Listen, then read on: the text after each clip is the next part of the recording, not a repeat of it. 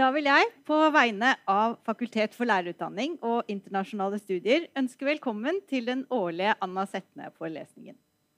Anna Setne-forelesningen er en årlig gjesteforelesning som skal nei, inspirere til integrering av utdanning og forskning med vekt på mangfold, bærekraft og det tverrprofesjonelle. Og årets forelesning er den tredje i rekken. Fakultetet har ca. 7500 studenter og ca. 650 ansatte. Og det inkluderer det største fagmiljøet av lærerutdannere i Norge med sine tre lærerutdanninger. I tillegg har fakultetet et betydelig fellesskap av akademikere innenfor internasjonale studier. Og vi tilbyr tolkestudier både på tegn og talespråk. Ikke minst huser fakultetet senter for flerkulturell utdanning. Og forelesningen jeg er glad for å ønske velkommen til i dag, bærer navnet til Anna Setne. Anna Setne var lærer, rektor og fagforeningsleder. Født i 1872, og hun døde i 1961. Hun var banebrytende for innføringen av nye pedagogiske metoder i den norske folkeskolen. Setne var særlig opptatt av skolens betydning for å frigjøre barnas skapende krefter ved å bygge på deres naturlige interesser. Hun var en ivrig talskvinne for det som ofte beskrives som arbeidsskolen og aktivitetspedagogikken, inspirert av John Dewey. Anna Setne anses for å være den som brakte reformpedagogikken til Norge. Reformpedagogikk er en fellesbetegnelse på ulike pedagogiske reformbevegelser på 1900-tallet, og som hadde det til felles at de var kritiske til den da tradisjonelle skolens mål og metoder. Reformpedagogikken innebar også en sterk tro på barnets utviklingsmuligheter og skapende evner. Anna Setne drev også en rekke reformpedagogiske eksperimenter, og hun mente at enhver skolereform skulle bygge på vitenskapelige forskningsresultater. Anna Setne var svært viktig for den skoleutvik eh, skolepolitiske utviklingen i Norge gjennom sin eh, faglig funderte eh, posisjon også i Arbeiderpartiet. Og eh, hennes posisjon ble også styrket gjennom fagpolitisk arbeid. Hun var bl.a. med på å stifte Norges lærerinneforbund. Og hun arbeidet hardt for likestilling mellom mannlige og kvinnelige lærer, lærere i skolen.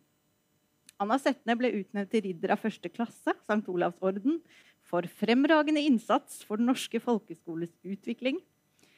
Hovedbygningen til fakultetet, eh, Pilstredet 42, bærer også navnet Anna Setnes hus. Og på vegne av fakultetet vil jeg nå introdusere professor Lene Tangård, som skal holde årets eh, Anna Setne-forelesning. Tangård er professor i pedagogisk psykologi ved Aalborg universitet og rektor ved Designskolen Kolding. Hun har i mange år forsket på kreativitet og læring og er en av Danmarks ledende eksperter på dette området. Så jeg er derfor veldig glad eh, for å ha deg her i dag til å holde Anna Setne-forelesningen 2024. Og ser frem til å høre på deg. Og Tittelen for forelesningen er 'Det er bruk for en langsom, svak og bæredyktig pedagogikk. Så vær så god, Lene.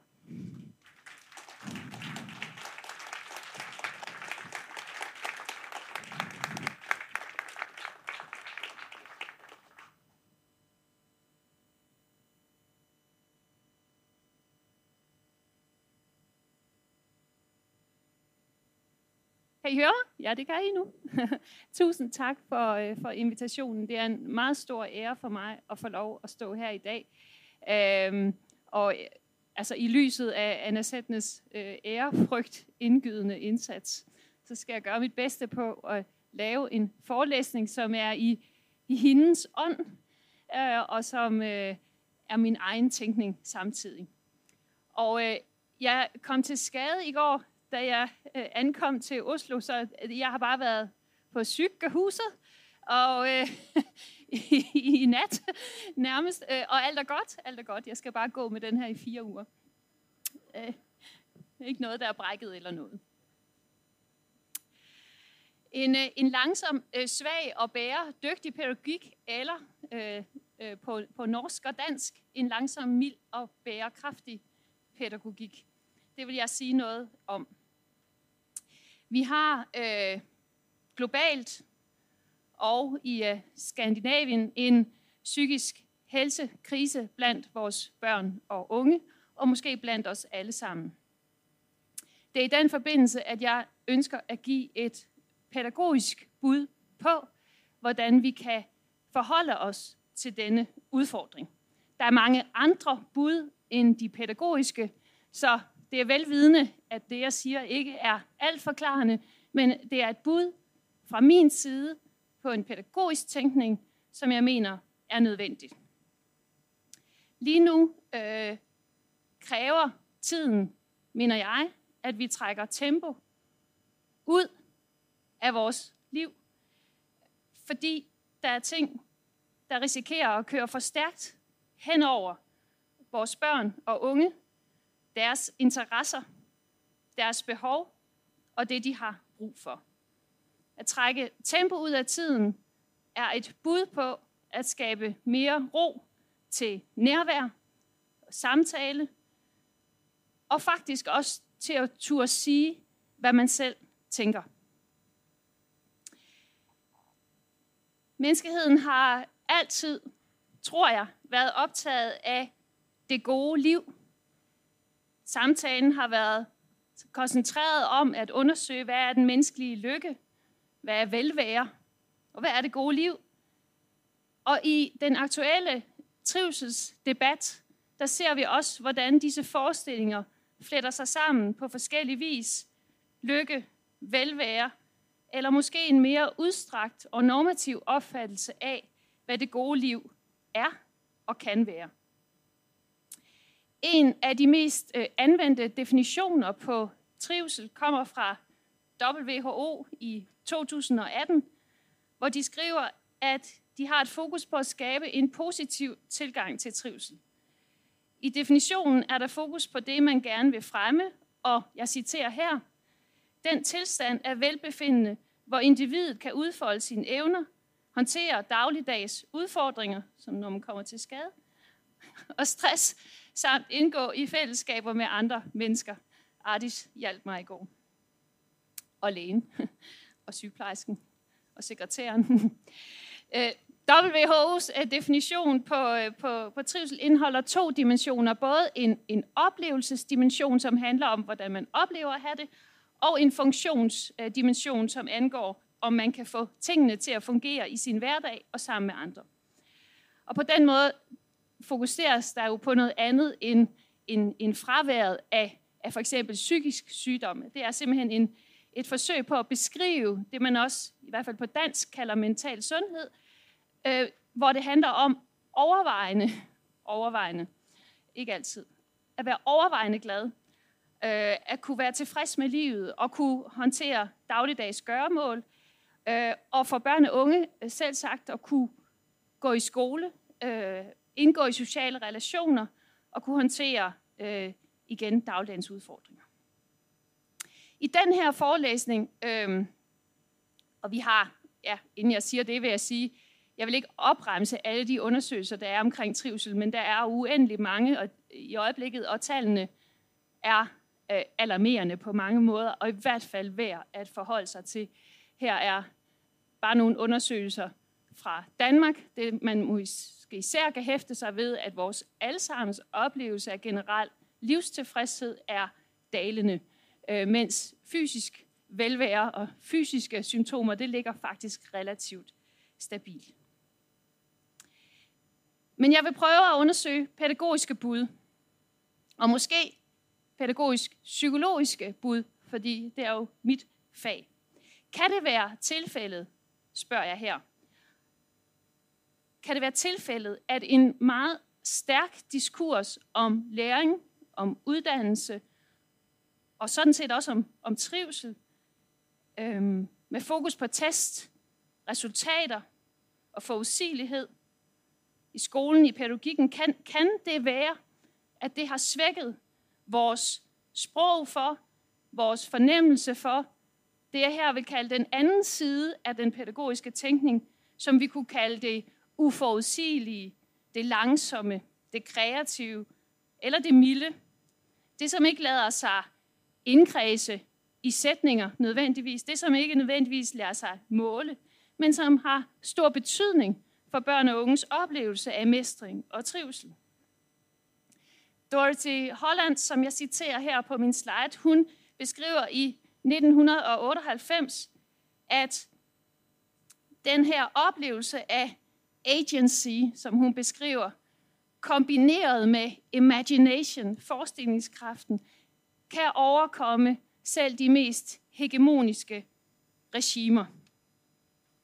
På den måde understreger hun, mener jeg, at den frihed, som øh, kreativitet og som forestillingskraften repræsenterer for os som mennesker, kan være med til at overkomme utrolig meget, også barske fysiske realiteter. Når vi har vores frihed, og når vi har en oplevelse af at kunne handle på de betingelser, vi har i vores liv, så er vi potentielt kreative. Jeg vil hævde, at et svar på vores børns og unges oplevelse af pres ikke bare handler om at mindske presset, og for eksempel fjerne alle test, og så i stedet, som vi ofte gør, indsætte krav om selvregulering, eller gør, hvad du har lyst til, og hvad du kan mærke er rigtigt. Jeg er ikke sikker på, at det at svare på ydre pres ved at indsætte indre pres er svaret. Jeg tror på, at svaret ligger et andet sted, nemlig i det at kunne mødes i fælles anlæggende og at have tid til at fordybe sig i disse. Altså et tredje sted.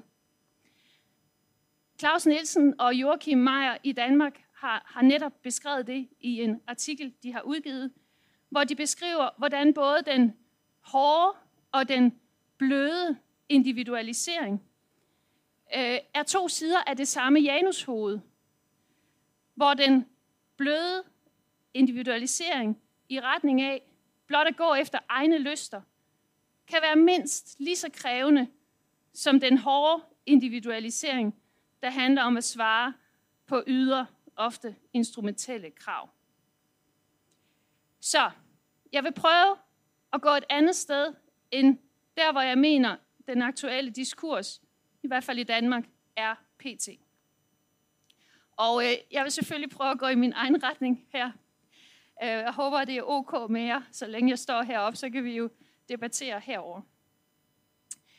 I mit arbejde med begrebet læringsklemsel, som også er en bog, jeg udgav i, øh, i 2018, øh, der adresserer noget af det, jeg mener med at mødes om noget fælles. Og jeg vil også her tillade mig, fordi at jeg vil tillade mig at gå på tværs af aldersgrupper og øh, pædagogiske områder, vil jeg også prøve at tage fat i den bog, jeg skrev med Nomi Mathisen og Paula Cavada øh, for to år siden, der hedder Skal vi vinke? Der handler om de helt små børn. Øhm, og bogen viser, hvordan små børn lærer, både når der er opmærksom på de intenderede og de ikke intenderede læreprocesser. Og det er dette både og, at have fokus på både det, vi vil, og det, vi ikke ved, om vi vil, eller ikke helt kan få greb om. Det er det, jeg mener er bæredygtigt. Og det er det, jeg mener, vi har brug for, for at kunne skabe balance, eller modpol, eller modtræk, eller udfordring til det ydre, og den helt legitime interesse, der kan være i, at vi vil noget bestemt med vores børn og unge, og så barnets egne intentioner og interesser, som jeg ved, Anna Sætne også var optaget af. Så nu får I en øh, observation fra vores empiriske projekt i en stor dansk kommune, hvor vi fulgte en række børn i dagpleje og vuggestue og børnehave, dagtilbud, som vi kalder det i Danmark, hvilket er et grimt ord. Øh, og vi fulgte pædagogerne, og vi interviewede faktisk også forældrene. Man kan ikke øh, kontrollere læring og udvikling, for rigtig meget af det, der sker, det sker uden, at vi har en interesse eller går målrettet efter det. Som Dewey skrev allerede i 1938 i sin bog Erfaring og opdragelse, den største af alle, og jeg citerer Dewey her, den største af alle pædagogiske fejltagelser består i forestillingen om, at man ikke lærer andet end den bestemte ting, man er i færd med at lære på et bestemt tidspunkt. I hverdagen arbejder både pædagoger, lærere og som sådan også forældre, professionelt pædagogiske ansatte, arbejder nærmest umærkeligt med at stimulere børns udvikling og læring. Og jeg vil prøve at tage et eksempel med fra vores observationer her. Leila er dagplejer et sted i en jysk kommune i Danmark. Hun siger til Anders på 3,5 år, kan du lige tage ærmerne op? Det gør han. Hun giver ham hans hagesmæk. Han forsøger selv at tage den på, men ender med at få hjælp til at få den om halsen. Anders banker med koppen, og Valter et over tre måneder kopierer ham. Anders smiler. Leila serverer øllebrøden. Det spiser vi meget i Danmark. Sætter tallerkenerne hen til drengene. Hun går i gang med at ordne Karls et over tre måneders næse, hvor efter et stort gult 11-tal går ned i munden på ham. I mellemtiden er Valter gået i gang med at bruge sin ske til at tage grøden ud på bordet. Leila ser på Valter. Hov, nu gik det galt, Valter. Hun skraber grøden op på tallerkenen igen, og denne gang tager Valter skeen i munden.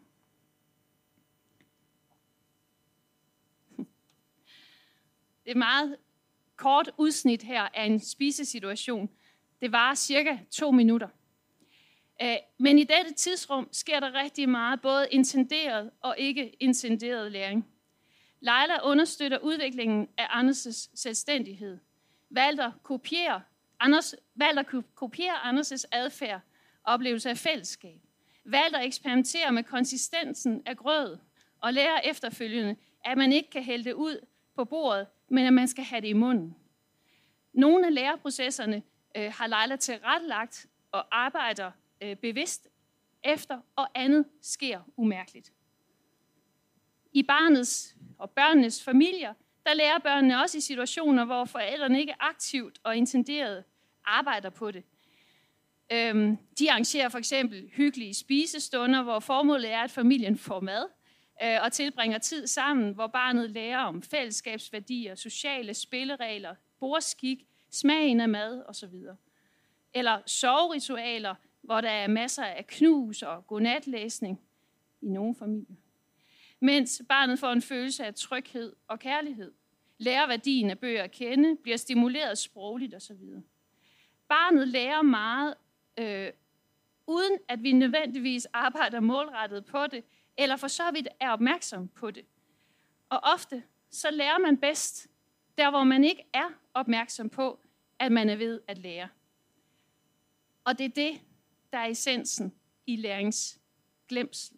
At vi lærer bedst, når vi ikke ved, at vi er i gang med at lære, øh, men hvor de voksne måske udmærket er klar over, hvad der skal læres. Læringsglemsel er mit forsøg på at videreudvikle et decentreret perspektiv på læreprocesser, som jeg oprindeligt er inspireret af fra blandt andet Leif og Wenger, som I måske kender med situated learning. Og det betyder, at man analytisk set som forsker, som lærer, som pædagog, vender blikket væk fra den, der er den udførende, og i stedet lægger vægten på at kigge på landskabet, at kigge på alt det, der sker med den lærerne i den situation, hvor der læres. Et er nemlig vores intentioner med en given situation. Noget andet er det, som vi rent faktisk nogle gange lærer. Læring sker, når vi gør os erfaringer med verden. Og det meste af det, vi kan, er noget, vi har lært på et tidspunkt. Når vi har lært at cykle, så tænker vi ikke mere over, at det er noget, vi har lært. Men på et tidspunkt kunne vi faktisk ikke cykle, og der er mennesker i verden, der aldrig lærer at cykle, og for hvem det måske heller ikke er nødvendigt at lære at cykle. Så selv det, der nogle gange kan forekomme os allermest naturligt, er et resultat af læring. Vi har også lært at kravle, at gå, at spise, øh, måske at spise med kniv og gaffel i nogle kulturkreds. Vi har også lært ikke at gå over for rødt. Der er også nogen, der ikke har lært det. Vi kan lære at vente på tur, og nogen har heller ikke lært det. Når vi spurgte pædagogerne i øh, dagtilbuddet her så, og dagplejerne, så sagde de, at meget af det, som børn lærer, det lærer de primært gennem leg. Øh, og øh, det gælder om at tage fat i det, som barnet er optaget af. Øh, fordi, som Leila her siger, jeg tænker, at de lærer mest der, hvor der er noget, som de har fokus på, som de er optaget af, og som de gerne vil. Og Leila eksemplificerer jo her Vygotskis pointe om zonen for nærmeste udvikling, afstanden mellem det, barnet kan selv, og det, det vil kunne under vejledning af en mere kompetent anden. Lad mig øh, forfølge det her perspektiv med en anden teoretiker, nemlig øh, Van Manen, og hans øh, arbejde med pedagogical tact, øh, og det her er fra den bog, der hedder Pedagogical Tact. Han spørger, hvad er pædagogik? Jamen, det er et spørgsmål, der ikke rigtig har brug for et akademisk svar. Alle, som har mødt opmærksom omsorg og bekymring fra en mor, en far, en lærer, en bedsteforælder eller en anden voksen, som har spillet en støttende og dannende rolle for vores unge liv, ved, hvad pædagogik er. Men han uddyber, må sige, for os heldigvis. Pædagogik er evnen til aktivt at skelne mellem det, der er godt og passende, eller passende, og det, som er mindre godt eller passende for børn i et givet øjeblik. Og det er i den forbindelse, hans begreb om takt kommer ind. Takt er noget andet end taktik, som man skal have, når man spiller håndbold. Øh, du skal også have takt for at kunne spille håndbold, men takt er den kropsligt baserede dømmekraft. Det er den, hvor du ikke suser op i hovedet for at finde ud af, hvad der skal gøres, men hvor du i, med din krop og den måde, kroppen erkender på, forstår, hvad der skal gøres.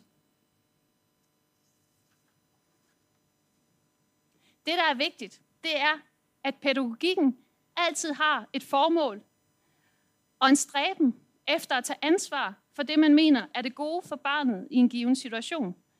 Pædagogik er formåls- og til tider målorienteret, og det er det, der skaber retninger og rammesætningen, øh, og det er de voksnes ansvar. Men i pædagogisk øje med anerkender vi jo også, at læreprocessen er vild og potentielt ukontrollerbar. Og det er dette skisma, vi er nødt til at få en bedre fornemmelse af, mener jeg. Vi ved ikke nødvendigvis, hvad børn kommer til at lære af en given aktivitet. Nogle gange ved vi det først bagefter. Og vi kan ikke altid gennemskue, hvad der er godt for barnet i en given situation. Man må handle på baggrund af det, man tror er det, det der tjener barnet bedst. Men der er ingen kontrol over, hvordan barnet vil respondere. Man er henvist til det, som Gert Biester har kaldt den smukke risiko, og som er grunden til, at han også taler om pædagogik som et svagt eller et mildt projekt. Fordi vi kan ikke styre det som nogle af de stærke projekter, vi måtte have for. Man er henvist til risikoen. Pædagogik er på en måde uundgåeligt risikofyldt. risikofyldt. Og det er i den risiko og i det uforudsigelige, at jeg efter min opfattelse mener, at vi skal prøve at finde nogle svar på den aktuelle trivselsudfordring. Altså, for det er måske ikke nyt, at vi godt ved, at der er en risiko i det pædagogiske, at der er noget ukontrollerbart. Men jeg mener, at vi har brug for den viden i dag på en måde, øh, som er ja, åbenlyst vigtigt. Så hvad er det, vi har glemt? Jamen, jeg mener, at der simpelthen er brug for et forsvar i dag for det langsomme, og måske endda det passive. I øh, 1936, der skrev den italienske pædagogiske tænker Maria Montessori, som Anna Sætne var inspireret af, i barndommens gåde, at vi voksne bør være opmærksom på at skaffe fri bane for barnets ytringer. Man skal give plads til barnets skjulte kraftanspændelse, eller befri barnets hemmelighed, som hun skriver. Med det antager hun, at et barn har en nærmest ubegribelig evne til at overraske hvis vi tør hvile i troen på, at det kan meget mere, end vi tror. Montessori blev født i øh, 1870 i den italienske by Chiavalle. Hun flyttede senere med sine forældre til Rom, hvor hun blev indskrevet på medicinstudier, og så var hun kvindesags forkæmper, ligesom Anna Sætne.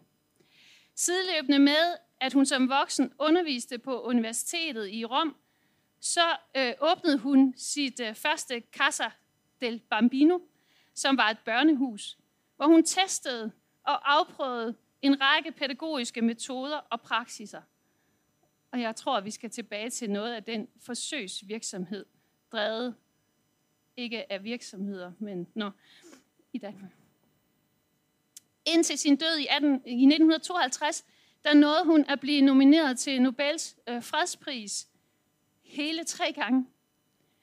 Og hendes måde at tænke på, og hendes måde at forstå børn og deres potentialer på, var ganske enkelt banebrydende på den tid. Montessori betragtes af god grund som grundlægger af småbørnspædagogikken og også af reformpædagogikken sammen med Anna Sætne, og i Danmark er det Sofie Rifbjerg, øh, som øh, også arbejdede i samme periode. Hun døde i 1981. Efter 2. verdenskrig fik den her tænkning meget stor vægt, fordi man var optaget af at udvikle et nyt menneskesyn. For Sofie Rifbjerg i Danmark var det barnets iboende lyst til at lære og udvikle sig, som var centralt. Og Montessori var kritisk på sin tid over for autoritære og lydighedsskabende pædagogiske øh, tankefigurer, som hun mente knægtede barnet. Og der er ingen tvivl om, at der på Montessoris tid og Anna Sætnes tid og Sofie Rifbjergs tid var brug for et opgør øh, med en knægtende opdragelse og nogle lidt stive og fixerede øh, pædagogiske autoritetsopfattelser. Og selvom omstændighederne i dag jo er anderledes, så har historien det med at gentage sig. Og øh, på en eller anden måde mener jeg i dag, at de her tanker er presserende igen. Selvfølgelig på en ny måde. Jeg mener i dag, vi har en opgave med at skaffe fri bane for barnets egne ytringer. Og jeg mener, at vi skal åbne døren for vores børn og passe på med at stå i vejen selv. Så hvordan gør man så det? Ja, øh, Montessori mente, at man kan lære at mestre sine omgivelser, hvis man får lov til selv at lægge planer, og selv at øh, tage nogle chancer.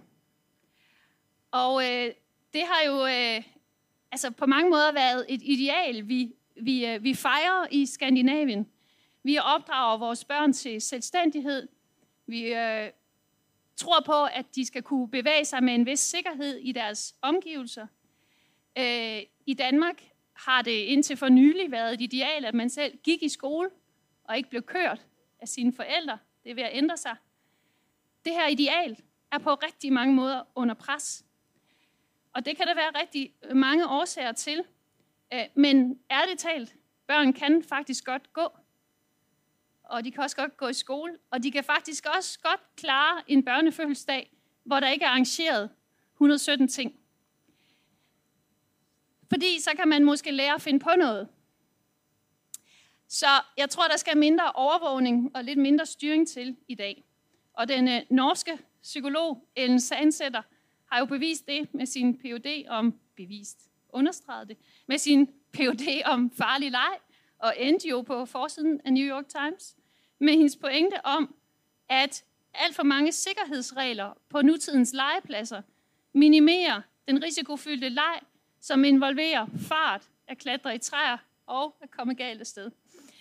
Øhm, hun undersøger, at hvis børn får lov til at udforske højder, bevæge sig med høj fart, håndtere farlige elementer som vand og ild, lege tumleleje, snuble og rejse sig igen, og være alene uden voksen opsyn og overvågning, at alt dette øh, kan være med til at udvikle en række efterstræbelsesværdige øh, evner hos barnet, nemlig kreativitet, mod, resiliens, vedholdenhed, grit, som vi også siger på engelsk. Og hun siger, at vi ikke skal pakke børn alt for meget ind i vat, fordi vi skal give dem mulighed for at udvikle sig. Ikke bare af hensyn til deres motoriske udvikling, som selv sagt efterhånden er ved at være en udfordring. Øhm, men også for rent faktisk at forhindre en vækst i patologier, og altså herunder også den mistrivsel, vi ser. For eksempel angst. Hvor kommer angst fra? Angst kommer mange steder fra og er en grundlæggende og naturlig menneskelig følelse, men det er også et resultat af, at jeg ikke helt tror på, at jeg kan magte min situation. Er det ikke tankevækkende, at der måske kan være en sammenhæng mellem overbeskyttelse og angst? Eller skal vi måske snarere til at forstå, at, at vi skal prøve at være mindre frygtsomme i vores tilgang til vores børn. Det kræver mod af barnet at udforske noget nyt. Det kræver mod af os. Og det kræver også, at vi giver vores børn et opmuntrende skub i ryggen og plads til at udforske tingene på egen hånd. Hvis vi gør det, så vil vi styrke vores egen børn. Jeg har lige skrevet en lille bog om det, som er her. En lille bog om, hvorfor de fleste forældre skal gøre langt mindre, end de tror. I uh, bogen bruger jeg også mig selv som eksempel. Da mine, vores to sønner var små, der var vi så heldige at bo, og jeg er smerteligt bevidst om, at det er privilegeret, i en meget stor, gammel, eller det ved jeg ikke, om det var privilegeret, men der var en meget stor, gammel have øh, med 7.000 kvadratmeter langt ude på landet, hvor vores børn, jeg kunne meget let lade dem løbe ud i haven, uden der skete ret meget. Vores sønner, de legede meget frit i den have og i det hele taget. Og de var faktisk ret små. Og jeg vidste heller ikke altid, hvor de var. Men jeg var selvfølgelig opmærksom med dem på den måde, som jeg tror mange mødre er, nemlig med et øje på hver finger. Og uden at de vidste, at jeg havde øje på dem. Og på den måde kan man som barn være tryg ved at gøre noget, så sker der nok ikke noget. De kunne stå i timevis og fægte med grene og lege monstre og uhyre. Og øh, nogle gange kunne de næsten fare vild i haven, så jeg i hvert fald ikke kunne finde dem. Og øh, de gik også selv i skole og cyklede selv i skole. Og så på et tidspunkt får min mand et nyt job, som kræver, at vi flytter til en lidt større by. Og så skete der et eller andet med mig lige der. Øh, jeg blev nemlig lige pludselig bange for at lade dem cykle selv. Jeg blev, øh, altså, jeg blev byængstelig, som jeg skriver det i min bog. Øh, trafikken var jo vildere, og jeg gjorde så det, at jeg besluttede at skjule det for mine børn. Så jeg lod dem faktisk cykle, selvom jeg vidste, det var farligere at cykle. Og øh, de er aldrig kommet til skade, ligesom mig. Um, når, jeg, når jeg læser forskere som Sandsætter, så, så tænker jeg sådan meget taknemmeligt tilbage på det, jeg havde mulighed for at lade mine børn gøre.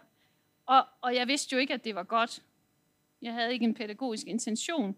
Og jeg er meget, meget bevidst om, at man ikke kan almengøre de her erfaringer. Men alligevel er der måske noget, vi kan almengøre, nemlig den urbanisering, som vi alle sammen lægger ben til, og som har betydning for vores liv, og også vores børn og unges liv. Den internationale forskning i dag bekræfter nogle af de antagelser, som Montessori gjorde sig. Øh, og nu er vi jo 80-90 år senere, og Anna Sætner sikkert også. Børn kan langt mere, end vi tror, viser forskningen i læreprocesser, hvis vi evner at sætte dem fri til at gøre sig erfaringer på egen hånd. Vores opgave som professionel pædagogisk eller som forældre, er at tilrettelægge betingelser, der ikke forhindrer barnet i at udøve sin selvstændighed. Og så skal vi i øvrigt være tilgængelige voksne, når vi lærer vores børn være på egen hånd og finde deres egen vej. Og er det ikke det, at barnet øh, kan få lov at være tryg, der gør, at det også tør at færdes frit? Det er på en måde et paradoks, et grundlæggende pædagogisk paradoks, at vi skal være der uden at være der, at vi skal styre uden at styre, at vi skal være opmærksomme uden at overvåge. Og er det ikke lige præcis det pædagogiske paradoks, vores tid har så svært ved at rumme? Jeg tror det. Og jeg tror, det har betydning for den psykiske helsekrise, vi står midt i. Den gode nyhed er, at vi i Skandinavien, i vores del af verden, har ganske gode forudsætninger for at kunne skabe et børneliv, hvor børnene kan udforske deres verden. Vi har tradition for at give børn mulighed for at lege ret frit. Vi har ressourcerne til det. Vi har ressourcerne til det. Og vi opdrager også vores børn til det. Lancy, øh, som jeg er inspireret af i denne bog, en britisk antropolog, han skriver i sin bog Raising Children, hvor jeg har det herfra, de to pointer, der står på sliden. Han, han tager udgangspunkt i sin bog i, at børn kan utrolig meget, og han refererer blandt andet til, at han kan se amerikanske forældre, der er tilbøjelige til at undervurdere deres børns kapaciteter. Han skriver, citat, Forældre barnliggør egne børn ved at overbeskytte dem og ved at forsikre dem om, at de ikke er i stand til at håndtere nogen som helst form for udfordring. Han er ret markant. Og han dedikerer bogen til sine egne forældre, som lod ham færdes frit, fordi at det var der, han lærte mest. Lyder det ikke lidt underligt? Altså, jeg blev selv meget glædeligt overrasket, da jeg læste det her. Altså, når Lance kigger på sin egen barndom og på antropologiske studier, så konkluderer han, at alle børn ser ud til at lære bedst, når de har hænderne i tingene. Og børn, der ikke er pakket ind i vat, jeg er klar over, at den beskrivelse kan også bruges til at tage ned til forældre. Det er ikke det, jeg gør her. Og som ikke er overbeskyttet, de ser ud til at udvikle en række efterstræbelsesværdige dyder som ressourcefuldhed, kreativitet, resiliens og målrettighed eller grit. Lancy han beskriver i sin bog et antropologisk studie af børn i manikkulturen i Thailand, hvor børn i den her kultur fra de fire år kan de håndtere meget skarpe knive. Øh, og den praksis, øh, det betyder jo, at de allerede når de er fire år, så kan de afpelse og partere et dyr. Og det lyder fuldstændig vildt, når man står her, og i hvert fald i Danmark lyder det vildt. Øhm, og det vil være meget vanskeligt, eller stort set umuligt at forestille sig en dansk familie, som lærer børn bruge skarpe knive. Til gengæld lærer vi børn færdes frit på internettet.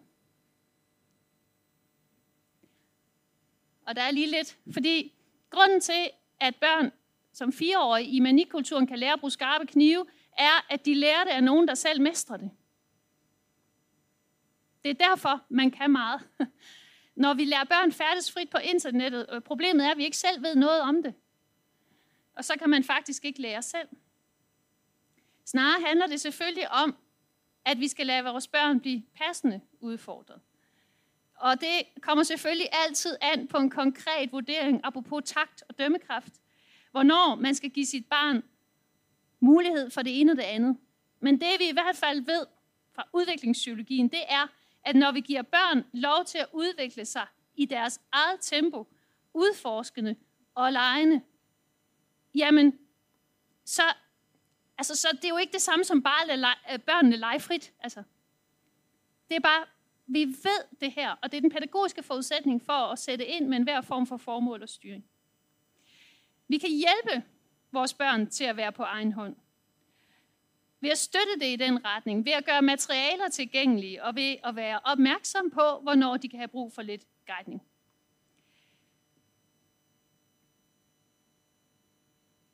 I min bog er jeg meget optaget af langsomhed, som jeg så har valgt også at gøre til et hovedtema i dag.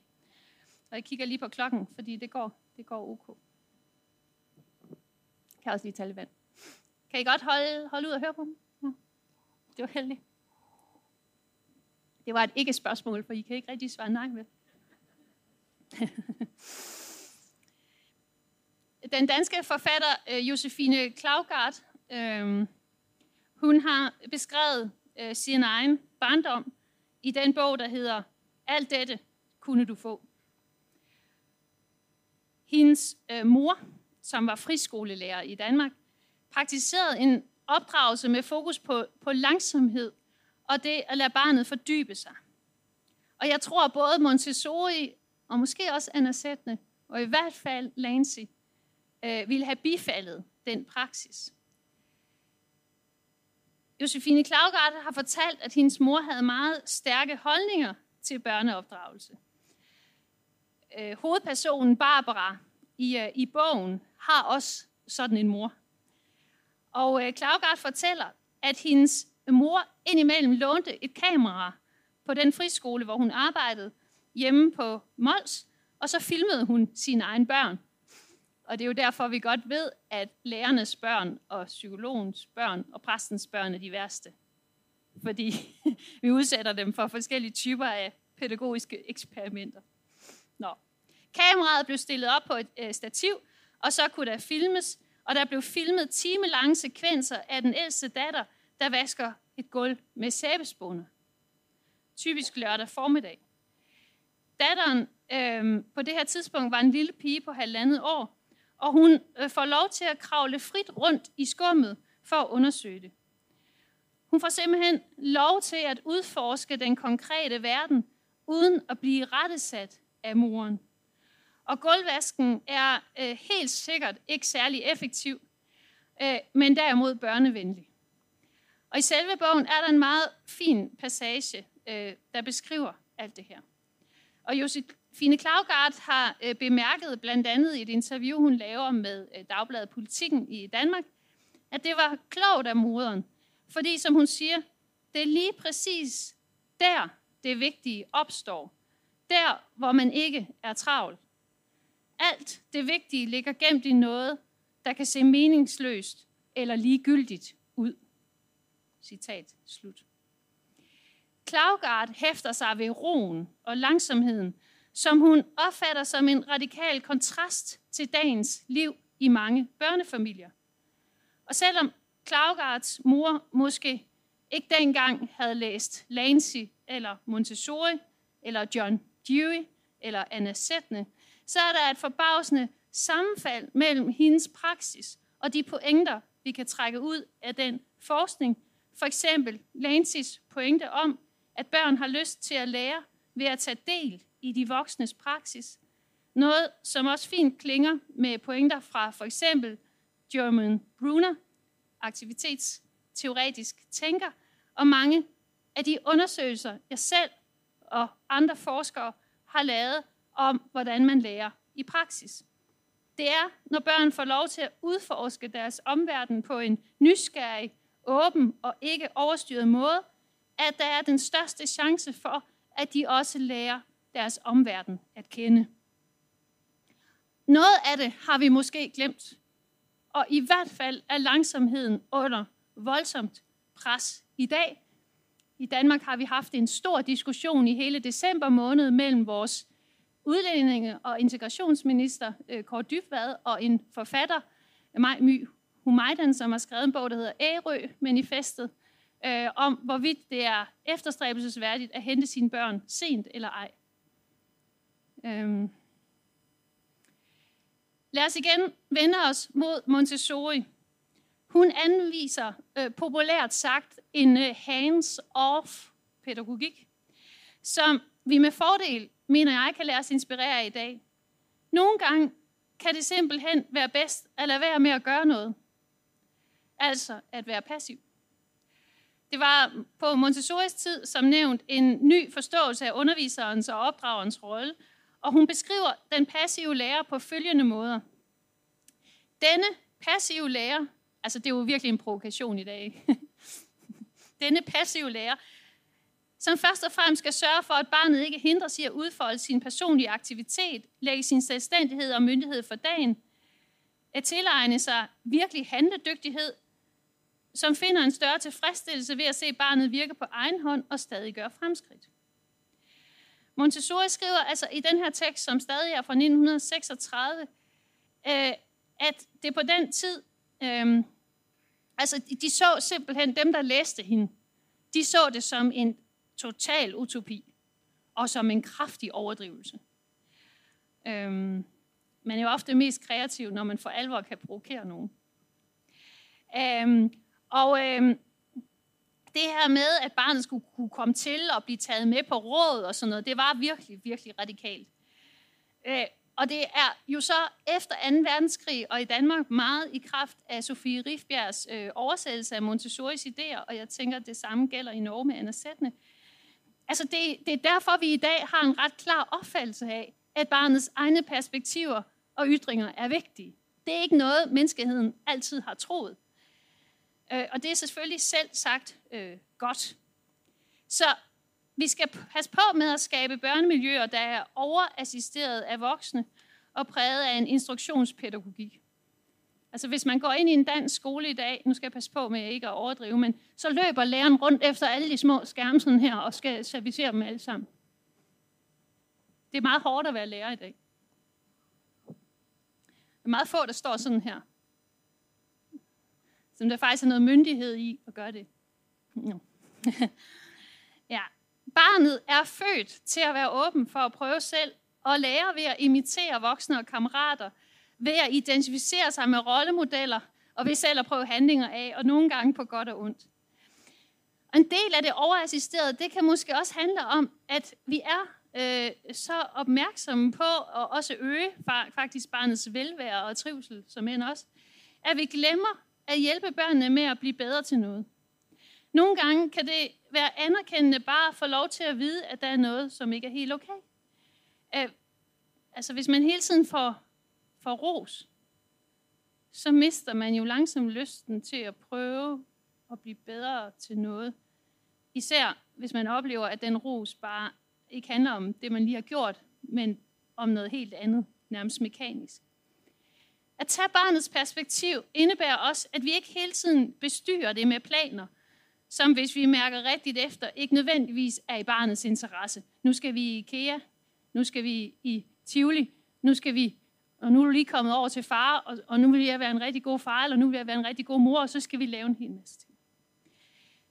Jeg synes, vi voksne i dag skal tænke nøje over, hvad det er, Montessori skriver. Øh, og øh, altså, at det, vi tænker, kan være vejen fra A til B, ikke nødvendigvis er det fra barnets perspektiv. Montessori skriver, og jeg citerer hende, om en dreng, som hun kalder han. Han skal først møjsommeligt bygge et sådan grundlag op, men han får aldrig lov til at lægge et virkelig arbejdsprogram i fred og ro. Er han i færd med at lege, indfinder den voksne sig fordi han synes, at tiden nu er inde til en spaceretur. Klæder den lille på og tager ham med sig. Og hvis barnet er optaget et eller andet lille arbejde, som for eksempel at fylde en legetøjsband med småsten, så skal det nok passe, at man, at man får besøg af en veninde, og så bliver den lille øh, øh reddet bort fra sin travle virksomhed og hentet indendørs for at blive vist frem for den nyankomne. I barnets omverden bliver vejen, øh, roen og freden ustandsligt forstyrret af dette almægtige væsen, den voksne, som griber ind. I hele hans tilværelse, uden nogensinde at tage ham med på råd, uden at vise ham det ringeste hensyn. Hele hans optræden er en klar tilkendegivelse af, at ingen af barnets handlinger har nogen som helst værdi. Og jeg er klar over, at vi i dag selvfølgelig på overfladen hele tiden spørger vores børn. Men jeg er ikke sikker på, at vi reelt spørger vores børn.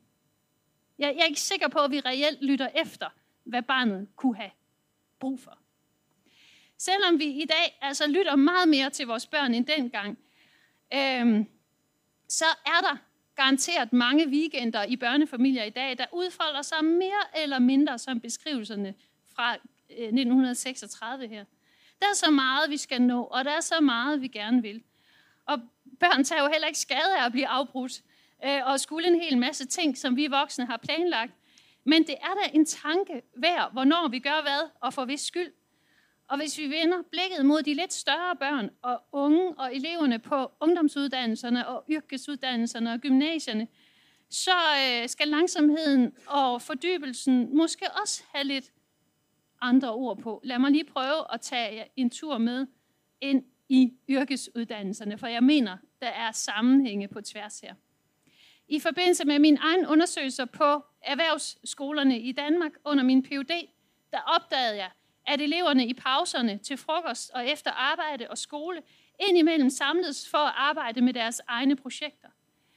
De hentede remedier ude i bilernes bagagerum, i skabene på skolen og på praktikvirksomheden i kælderen, Og så skabte de sådan nogle lidt uformelle grupper, hvor de nogle gange efter arbejde blev hængende for at arbejde videre med deres egne projekter i noget, de kaldte fuskfællesskaber.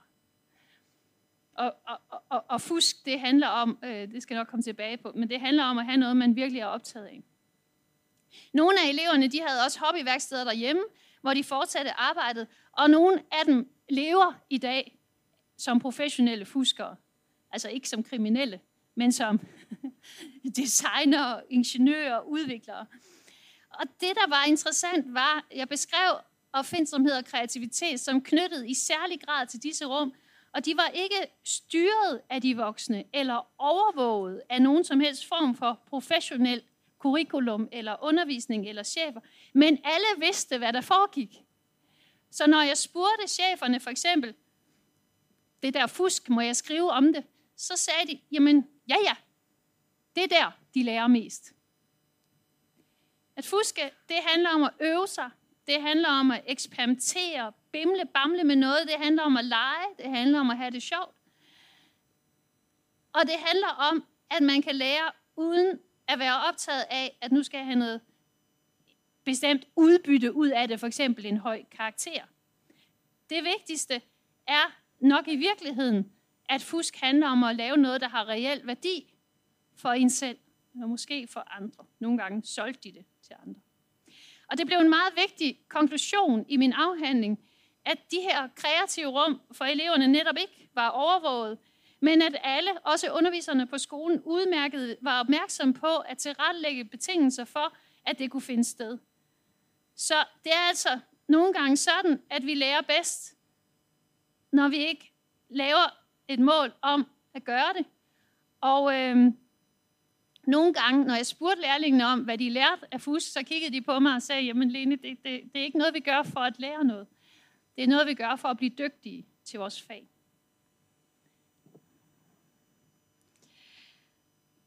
For mig at se, er det en helt essentiel pointe, at læringsglemsel er en bedre forudsætning for genuine læreprocesser end læringsmål.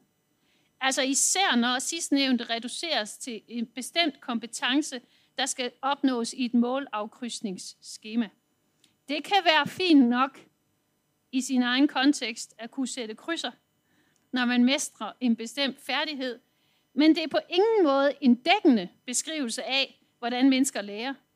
Lidt ligesom kompetencekortene i børnehaven nok heller ikke er en dækkende beskrivelse af, hvem barnet er, eller hvad barnet kan, men kan være et udmærket opmærksomhedskompas.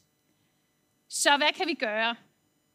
Jamen, vi skal give vores børn lov til at fuske, bimle, bamle, at lege uden at være konstant overvåget, at have tid til at fordybe sig og blive opslugt af noget, uden hele tiden at skulle videre.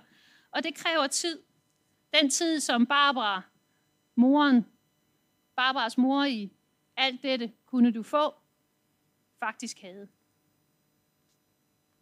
Måske kræver det mest af alt for os alle sammen en opmærksomhed på at tænke mere over den halvdel af pædagogikken, som vi har forsømt at beskrive de sidste 20-30 år, hvor vi har haft så forbandet travlt med at sætte alle kompetencer ind i sætninger, som kunne fyldes ind i et målafkrydsningsskema, så vi alle sammen kunne være helt sikre på, at børnene ville lære mest muligt.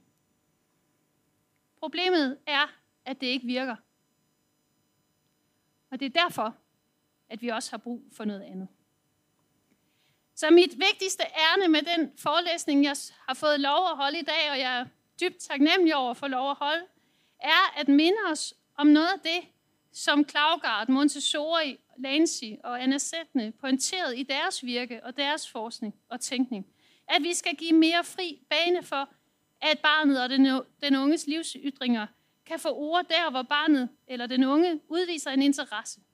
Man kan med fordel støtte op om det, som barnet har lyst til at forfølge, for med basis i det at rette opmærksomheden mod den disciplinering, som også er en del af den pædagogiske praksis, men på den måde. Det handler ikke om, at vi ikke skal stille krav, men det handler om, at vi skal forstå den takt, som van Manen også er så optaget af. Det kan være fint at blive målt, men hvis man altid skal måles med et sammenligningsinstrument, så ender man med måske ikke at få et sandfærdigt billede af, hvad barnet kan. Øh, og så går det måske barn. Så ender det med, at vi ikke får de børn, vi gerne skulle have. Så måske skal vi prøve at arbejde med, og jeg vil slutte med de her tanker, at prøve at tænke pædagogisk, at tænke pædagogik som en skabende proces, hvor noget bliver til langsomt og i nænsom omgang med materialerne.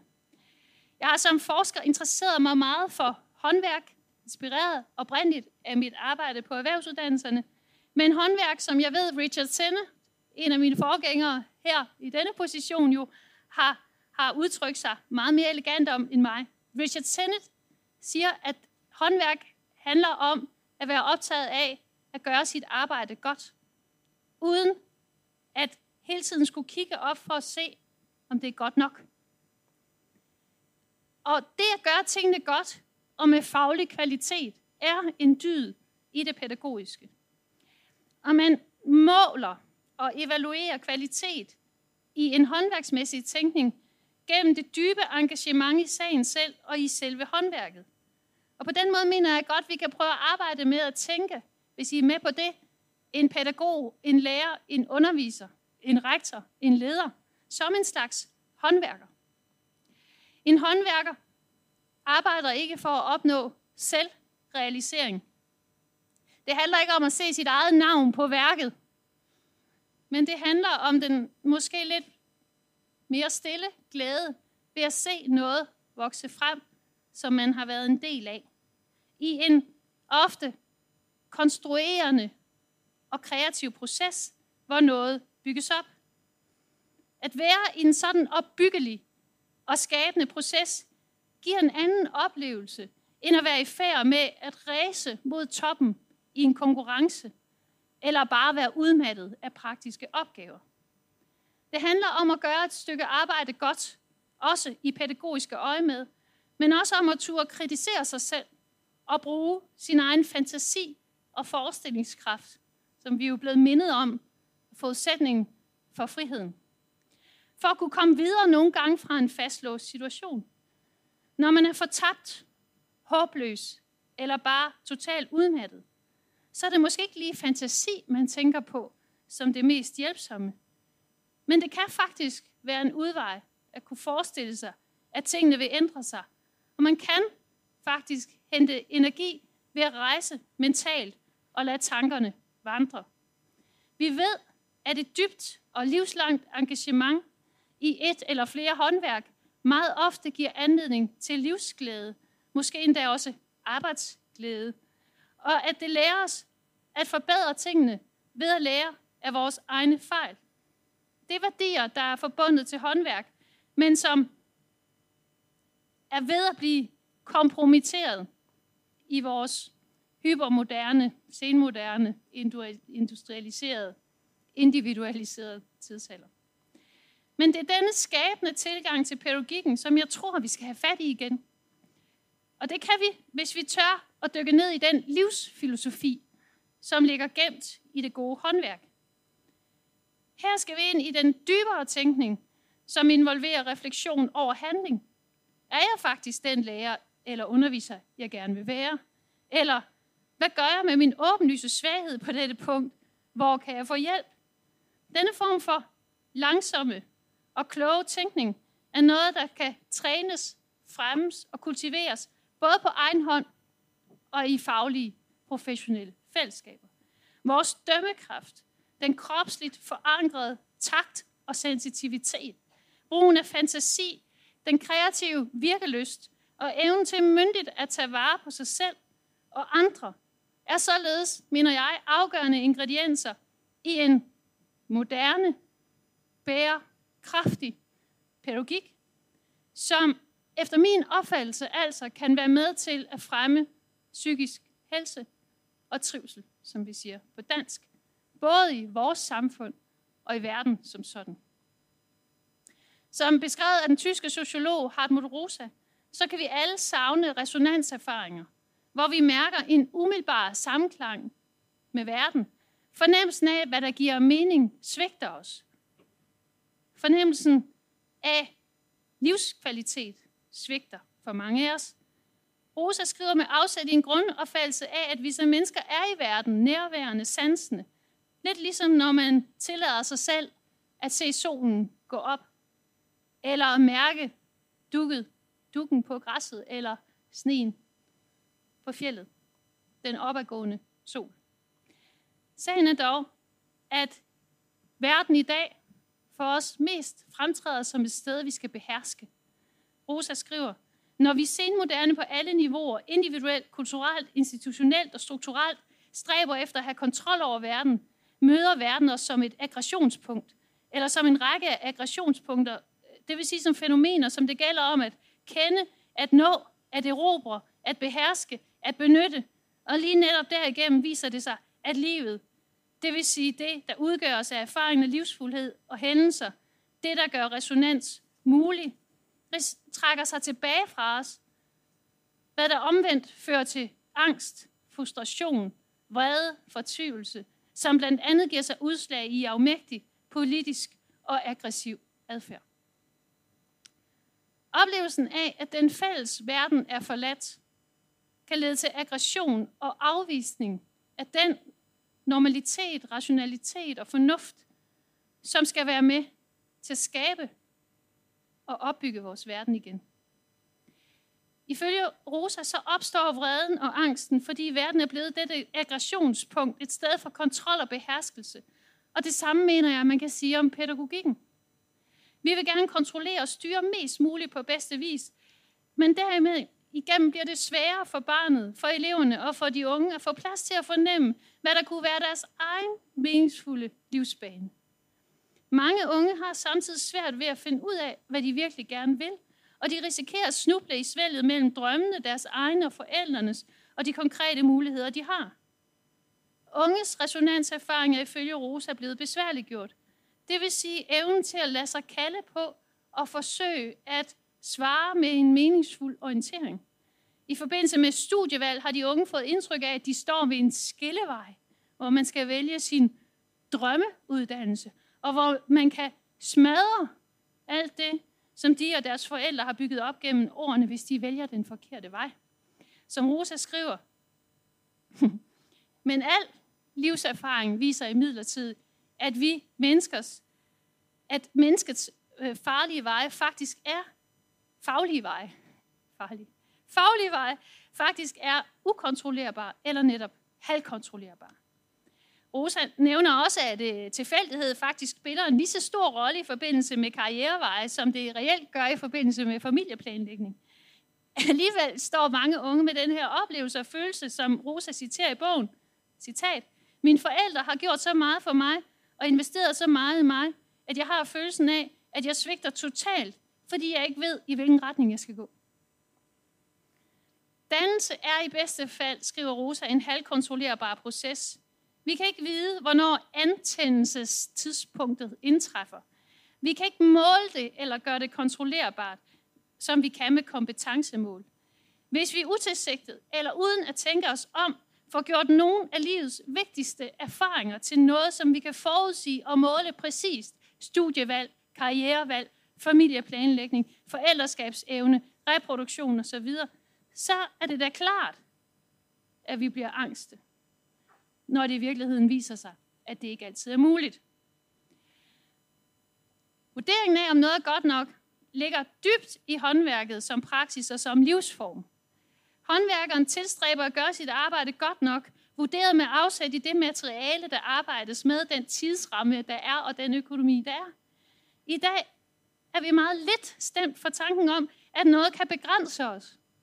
Vi har hele verden inden for rækkevidde på nettet, vi kan kontrollere alting meget hurtigt, og vi har gjort os selv til kvantificerbare og kontrollerbare enheder på alle vores smart devices. Øh, og øh, den digitale overvågning osv., som ligger i alt det.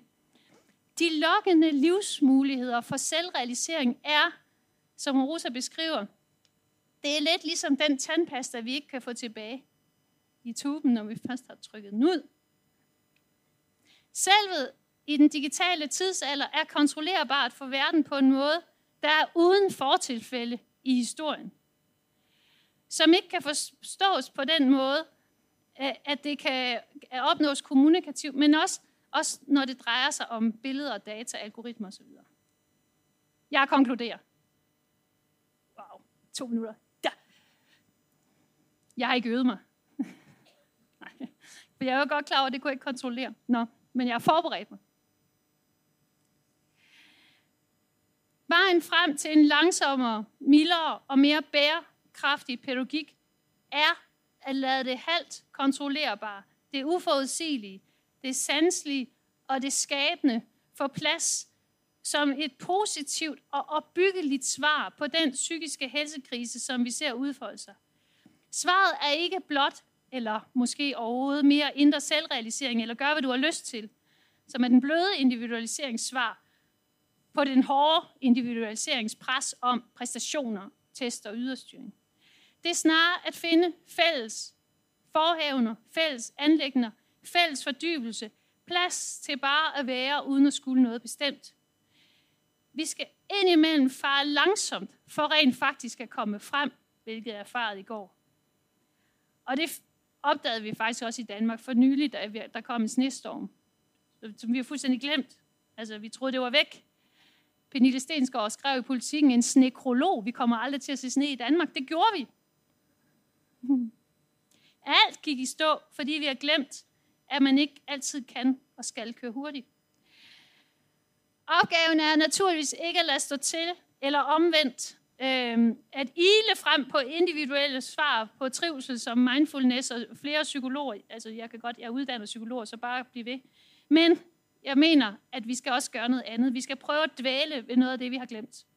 På alle mulige måder mener jeg, at det i dag er det progressive svar fra pædagogikkens side på den globale og om sig gribende helsekrise, som vi er nødt til at forholde os til, altså jeg havde nær sagt omgående eller indgribende og systematisk, med respekt for naturligvis også alle mulige andre løsninger, tværdisciplinært, transdisciplinært. Men det var det, jeg vil sige i dag.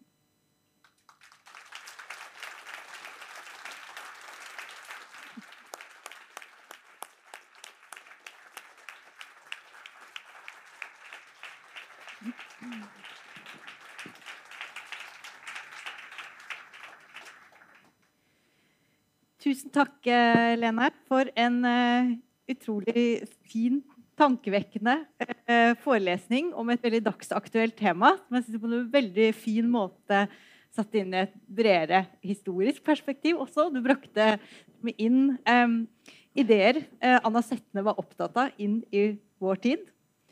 Um, og Vi skal fortsette samtalen eh, nå sammen med deg i dag i form av en panelsamtale. Eh, så da vil jeg gi ordet til Frank Alexander Brein, eh, som er universitetslektor ved barnehagelærerutdanningen, som skal ta oss videre. Vær så god.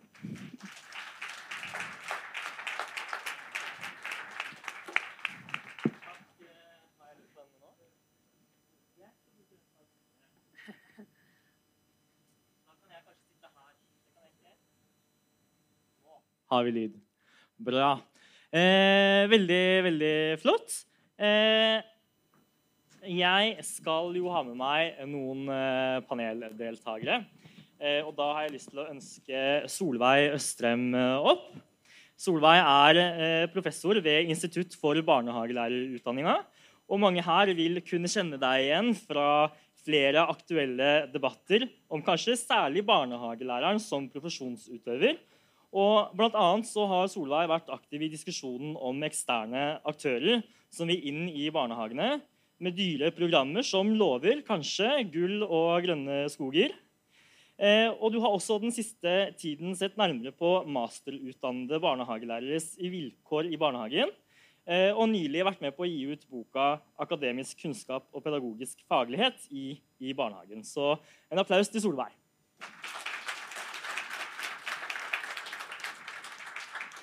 Og så skal vi ha opp eh, Hedvig Skonoft eh, Johannessen.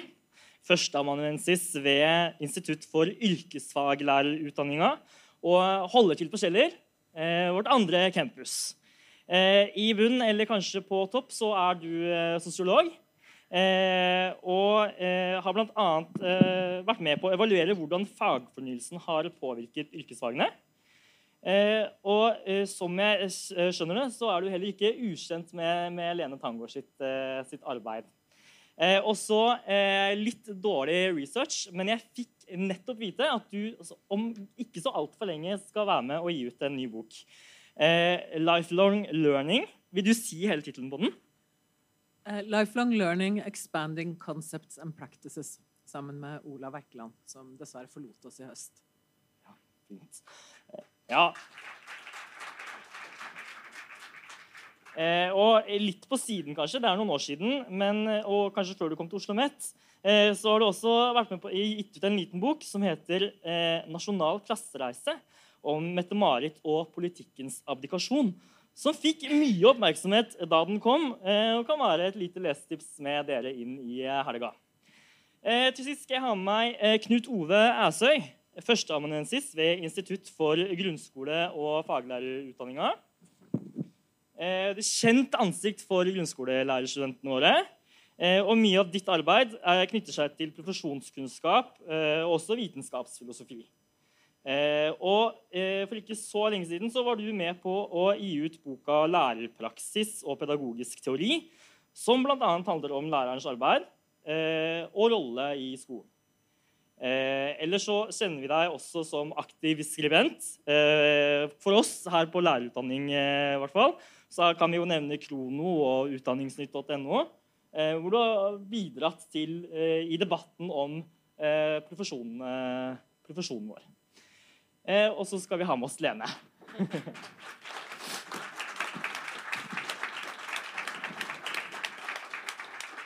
Eh, ja. Eh, aller først så har jeg utfordret dere til å kommentere litt. Første tanker knytta til eh, det bidraget som vi nettopp eh, fikk. Eh, så jeg tenker kanskje at vi kan begynne her med, med Solveig, og så gir vi, gir vi, mikrofonen videre.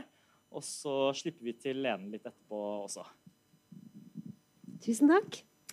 Um, det blir jo noen fri, litt frie og litt eh, på forhånd tenkte assosiasjoner. Um, du ga jo oss et tidsbilde og en situasjonsbeskrivelse. En problembeskrivelse. Og sa noe veldig klokt og fint og viktig om eh, hva vi mister hvis vi ikke lar langsomheten få en plass. Eh, og så mine kommentarer blir kanskje en slags supplering av den beskrivelsen. Eh, det du sier, Lene, om eh, hvordan det ytre presset med kartlegging og ting, og det indre presset med liksom en ny form for selvregulering, selvrealisering, er to sider av samme sak. Jeg tenker kanskje at oppsummert handler det om en forestilling om optimalisering av barndommen. Og en idé om at vi kan kontrollere hvis vi bare vet nok og kan nok og gjør alt riktig, så kan vi kontrollere ikke bare barndommen, vi kan, men vi kan også få kontroll på framtiden. Hva er det som hva er det vi har glemt? Hva er det som settes til side? Hva er det vi risikerer? Jo, det handler dels om helt grunnleggende livsvilkår. Hvor, eh, som er del av lærerens arbeid, som er del av barnehagelærerens arbeid. Alt arbeid med barn som for å sitere Jan Japp Rothøysen sier, når vi står i situasjonen og skal handle, kan vi ikke nøyes med å gjøre som planlagt. Da er vi henvist til dømmekraft og til håpet om at vi klarer å gå inn i situasjonen på en måte som er prega av oppmerksomhet og omtenksomhet. Vi kan aldri vite helt sikkert. Eh, eller vi kan snakke om liksom, det usikre som premiss som vår kollega Marte Eriksen er opptatt av, som vi aldri kommer unna. Noe annet vi mister, er dette med at pedagogikken alltid handler om verdier. Du sa det, Lene, at problemet er at det ikke virker. Og, og, det er jeg helt enig med deg i. Men problemet er jo også at vi glemmer ja, men hva er det vi vil? Eh, og da er liksom eh, den grunnleggende respekten for barn som må legge til grunn for alt vi gjør. Dette at det pedagogiske prosjektet er et grunnleggende normativt prosjekt. Som også er det tredje punktet som jeg var opptatt av at vi kan komme til å miste, selve formålet. At vi har faktisk et formål. Vi kan kalle pedagogikk et svakt prosjekt, et risikoprosjekt der vi ikke har kontroll på alt, men det er et viktig prosjekt.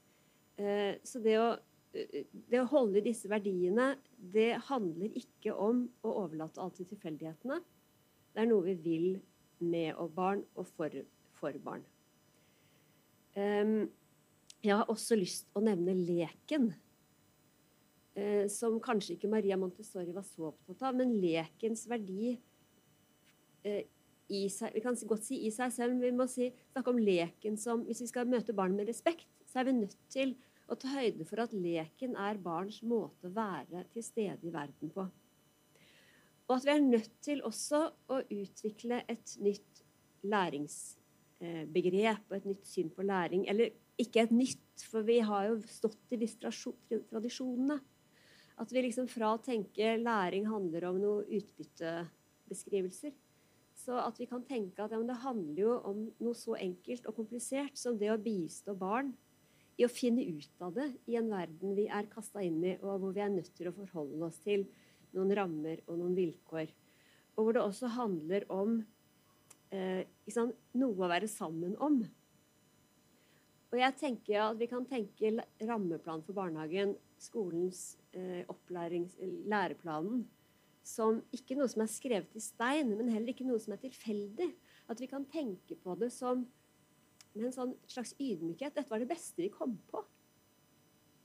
Når vi skal prøve å møte barn og unge på en måte som tar høyde for både deres liv og deres eh, væren som mennesker, og også ansvaret for å bringe de inn i en verden hvor vi allerede er der, vi, de voksne.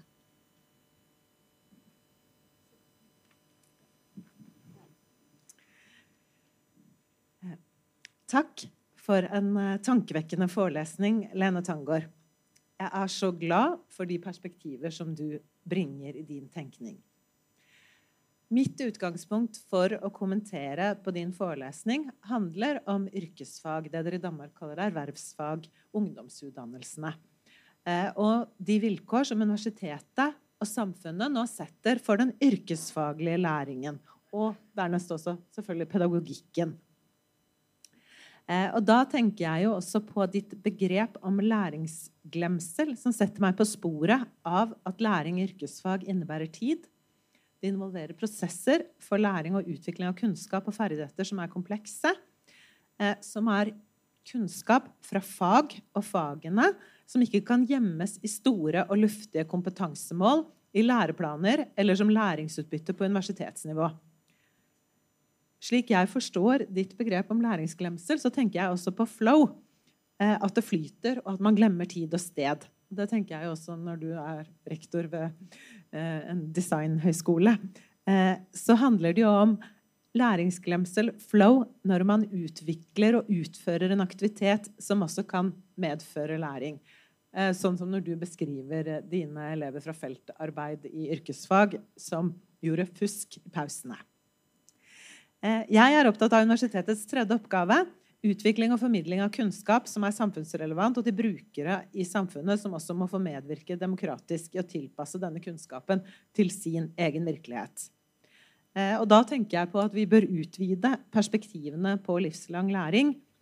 Eh, og at det er mange trusler eh, eh, nettopp eh, ikke bare for den livslange læringen, men for læring som en vanskelig, seig og langsom prosess, som du også beskriver i din eh, forelesning. Og da har jeg også gått til Hartmut Rosa eh, og sett på akselereringen av alle prosesser i samfunnet eh, som gjør at alt skal gå så fort.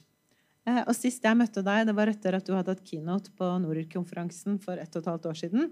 Og da diskuterte vi jo eh, at alt skal ta så kort tid i høyere utdanning. Eh, nå Eh, og da tenker jeg at det er et neoliberalistisk paradigme eh, som vil at vi skal produsere mer kunnskap, mer læring, mer forskning flere publikasjoner, eh, og det på kortere tid og med stadig mindre ressurser. Eh, og kanskje også færre universitetslærere. Eh, for eksempel så diskuterte vi jo da kortere masterutdannelser i Danmark, eh, som nå skal være på 75 studiepoeng på ett år og en sommer, i stedet for da 120 studiepoeng over to år. Hva er det vi taper, og hvordan kan vi kjempe oss til å få opprettholde at det tar tid å lære? Eh, når det gjelder yrkesopplæringen i Norge, så er den i ferd med å bli delvis modulbasert. Korte, praktiske små enheter med konkrete kompetansemål eh, for å få voksne folk hurtig i arbeid. Eh, og jeg kobler meg jo da på ditt argument om at det tar tid å lære og utvikle kunnskap også i yrkesfag. Det tar tid å bli en autonom fagperson, en yrkesutøver med makt til å bestemme over egen faglighet og egen tid, eh, uten byråkratisk formålsrasjonalitet som hos Max Weber. Likevel framstår det uklart kunnskap om hva og for hvem. Dersom markedets logikk er med på å bestemme hva som er betydningsfull kunnskap og betydningsfull læring, så mister vi noe vesentlig. Dannelsen, det tidkrevende og vanskelige læringsarbeidet, strevet, gleden over å mestre etter å ha øvd, forsøkt, utviklet, feilet. Fail, fail again, fail better, som hos Beckett. Det må finnes rom i utdanningssystemet for å bidra med systemkritikk og kritisk tenkning. I en tid som er preget av en av de forgjengerne i Anna Setne-forelesningen, Nancy Fraser, betegner som 'cannibal capitalism'.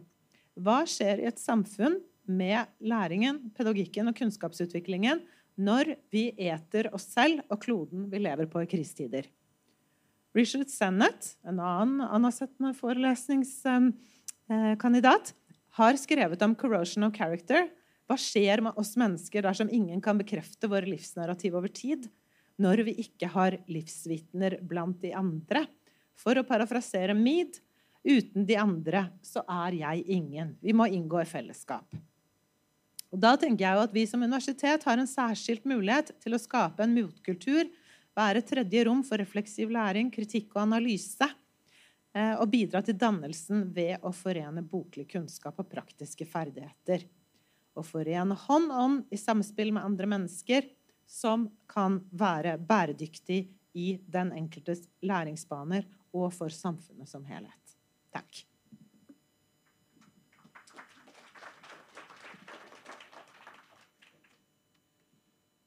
Yes, det var min tur. Begynner dårlig. Jeg, jeg, jeg las uh, boka 'Læringsglemsel' uh, så jeg kommer til å ta litt utgangspunkt i det like mye som det som er sagt her i dag. Det som slo meg når jeg las boka 'Læringsglemsel', det var at i stor grad så handla ikke Det var ikke noe politisk. Det var ikke et ord om uh, New Public Management. Det var ikke et ord om systemer og slike ting. Men det handler faktisk om helt konkret hva er det som skjer i skolen, hva som skjer med læring og gå inn i de pedagogiske diskusjonene. Hva type pedagogikk er det faktisk som blir gjennomført i skolen hvis vi f.eks. driver med målstyring? Og Det var egentlig veldig befriende. Og det var veldig det, det var interessant å tenke seg at, at, så mye trykk som vi har på læring, så er det akkurat som at det ikke er plass for læring i skolen lenger. I hvert fall ikke sånn som du tenker det. Så, så jeg oppfatter det faktisk som et forsvar for læring. Uh, nettopp ved å kritisere læring. Og det, det var veldig befriende. Uh, og jeg, jeg, jeg tenker ganske mye på det. Du antyder at, uh, at den måten vi driver målstyrt undervisning på, er atferdsteoretisk. Jeg har tenkt mer og mer på det, og jeg tror du har mer og mer rett. Og jeg tror ikke bare det gjelder um, målstyring, men jeg tror faktisk at begrepene metakognisjon og det å lære å lære faktisk ikke har noe med kognitiv teori å gjøre, men det har noe med atferdsteori å gjøre. Og at det har noe med at vi lærer barna våre bare teknikker for hvordan lære noe, snarere enn å faktisk gå inn i et faginnhold og kunne glemme seg sjøl å være i faginnholdet, være i saken. Derfor blir veldig overraska når jeg i en del sammenhenger også møter pedagoger som omtaler seg selv som sosiokulturelt, men som gjerne underviser ut fra målstyring, eller som argumenterer til og med for at målstyring er den beste måten å drive skole på, mest effektive læringa i skolen.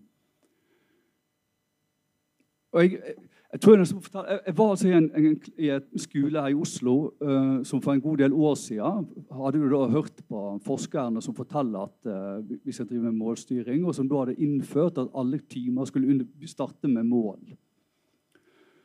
Så det betyr at I løpet av en dag så hadde elevene i hvert fall uh, seks mål. I løpet av en uke 30 mål, og så kan vi bare regne videre. Men det som var interessant, var jo at læreren starter her med mål for timen, eh, og selvfølgelig da eh, liksom samtale om hva, hva disse målene er for noe. Og, og noen av elevene snakker med det. Men det som var helt tydelig var at det er masse elever som var, var lei. Som opplevde det her som bare en gjentagelse av det samme, og som ikke opplevde at det her hadde betydning for deres liv. Og Hvis vi går til motivasjonsteorien f.eks. til DC Ryan, så er det jo helt klart at eh, eksterne mål er direkte ødeleggende for indre motivasjon. Dette vet vi. Allikevel så påstår altså det at det er den mest effektive måten. Jeg syns også det er veldig spennende du, du forsvarer utviklingspsykologi. Jeg tenker også at det er noe som, eh, som Det å forstå at vi må, vi må tenke annerledes rundt læring til ulike aldre eller til ulike modningsnivå i barna det var egentlig øh, Så har jeg en liten sånn mm, Hva, hva er det jeg savner litt, da? Hva kunne jeg tenkt meg å hørt litt mer om? Du har en beskrivelse av, av en, uh, en, professor som, som uh, gir studentene tekster som de ikke forstår. Og, og, og det er, den liker jeg litt. da. Og så Hedvig òg nevner liksom, er liksom inne på det. at Det er akkurat som at vi, det, det som kanskje, det, det blir, det blir, Læringsgrensen kan, kan bli fort litt, bli, litt sånn flow og harmonisk. Men hvor blir det av smerten? Og smerten må lære. Og, og, sånn at, du sa det, at, du sa det egentlig veldig fint at vi, greit, vi som lærere vi, vi, vi eh, skal åpne dørene mot verden. Men så skal vi av og til stå i veien. Eh, vi skal stå i døråpninga. Men, men, jeg tror faktisk av og til så, så skal ikke vi bare det. Men, men, jeg tror det ligger noe i den pedagogiske natur å vise barn noe som er fullstendig fremmed for dem. Altså, Å lære er å møte det fremmede. Og for, for, enkelte av oss er det sikkert veldig nysgjerrig og litt sånn nesten en slags erotisk interesse i det fremmede. Men for, for, veldig mange av oss så er det mer et ubehag og en smerte og en opplevelse av at det her forstår jeg ikke. Det er rett og slett uforståelig for meg. Og det å forstå at vi som pedagoger faktisk er med på å bringe smerte inn i barns tilværelse, det tror jeg er litt sånn uh, viktig å ha med da, også inn i, inn i en uh, ja, i, i læringsglemselen. Så tenkte jeg så avslutte. Jeg, jeg, jeg har to Men jo, jeg, jeg, eh, jeg skulle jeg, jeg, skrev en tekst for noen år siden som jeg fikk spørsmål fra Danmark om, om at jeg kunne få lov å oversette til dansk. Og I den teksten så skriver jeg bl.a. at læreren skal være fraværende. Og Det var det eneste ordet de virkelig ikke skjønte. For de, de skulle oversette den, for de, de klarte ikke helt å forstå det at læreren faktisk skulle være fraværende. Og Det er jeg så glad for i dag, at jeg har fått sånn forsvar for at vi skal også være litt sånn passive i det. Men, men, det jeg skal avslutte med, det er faktisk at jeg, jeg, jeg mener at hvis vi, hvis vi tar uh, Lene Tangårds tekst på alvor, så er det faktisk en god del begreper og språkbruk som vi rett og slett må, må slutte med. Eller vi må, kanskje vi kan i hvert fall holde, holde fred med det i et par års tid. Eller vi skal i hvert fall redusere det. Så jeg har laga rett og slett en ordliste om læring. der vi ikke, altså Når vi snakker om læring, så skal vi absolutt ikke snakke om mål bevissthet, meta, metakognisjon, lære å lære, strategier, trykk, tempo, kompetanseanalyse, analyse, transparent, eller transparens, altså gjennomsiktighet, feedback, og der vil jeg gjerne legge til vurdering for, synlig, eksplisitt, målelig, effektiv, utbytte, optimalisering, maksimalisering, forbedring, affirmativ, likhet for, utfordringer og ikke minst kontroll. Takk for meg.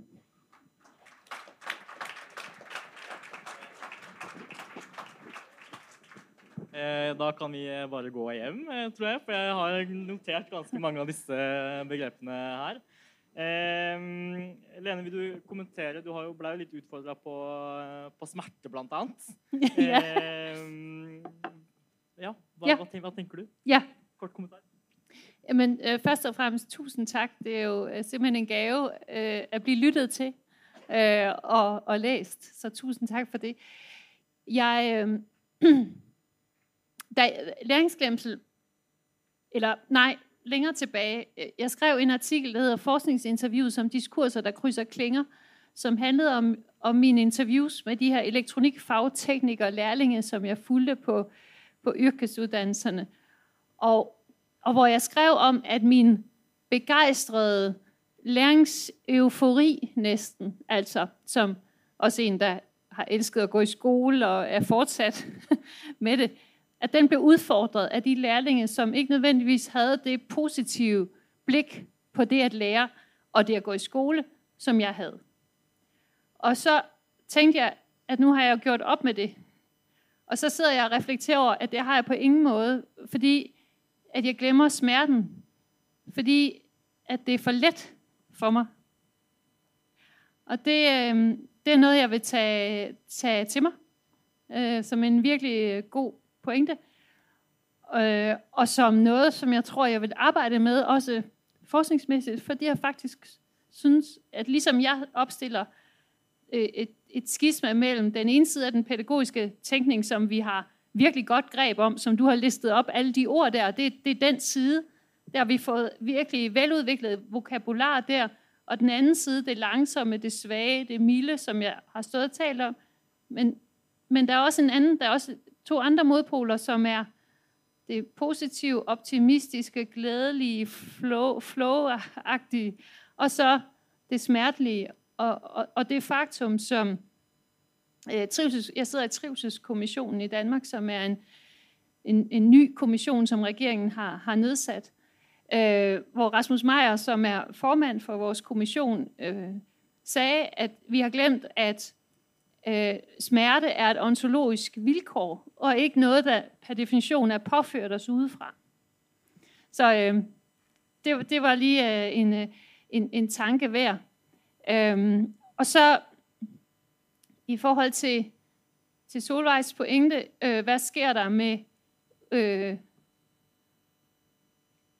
er det ikke rigtigt? Hedvig, tak. Ja, tak. Hedvig. Øhm, hvad sker der med skole og uddannelse og pædagogik, hvis ikke vi formår at give tid til at lære? Hvis ikke vi formår at trække tempo ud? Altså det jeg simpelthen tror, jeg tror det bliver ødelagt, hvis ikke vi formår det. Altså jeg mener, det er meget alvorligt. Og, og jeg ser øhm, i Danmark i hvert fald unge mennesker, som venter længere og længere tid med at gå ind i uddannelsessystemet. Fordi derinde er livet ikke. Livet er udenfor. Øh, og jeg ser virksomheder, som investerer i tid. Da jeg fulgte en række produktudviklere på, på Grundfos, en stor dansk virksomhed for nylig, der var der forskere, der havde en hel uge til bare at sidde og læse. Altså på virksomheden. Og på universitetet er der ingen af mine kollegaer, der har tid til at kigge op. Og det bliver jo et problem for kvaliteten af det, vi øh, laver. Så vi, øh, og jeg ved, jeg har ikke svaret på, hvordan vi gør. Jeg ved bare, at om 10 år, så har vi erkendt, at det var et problem, at vi ikke gjorde noget ved det.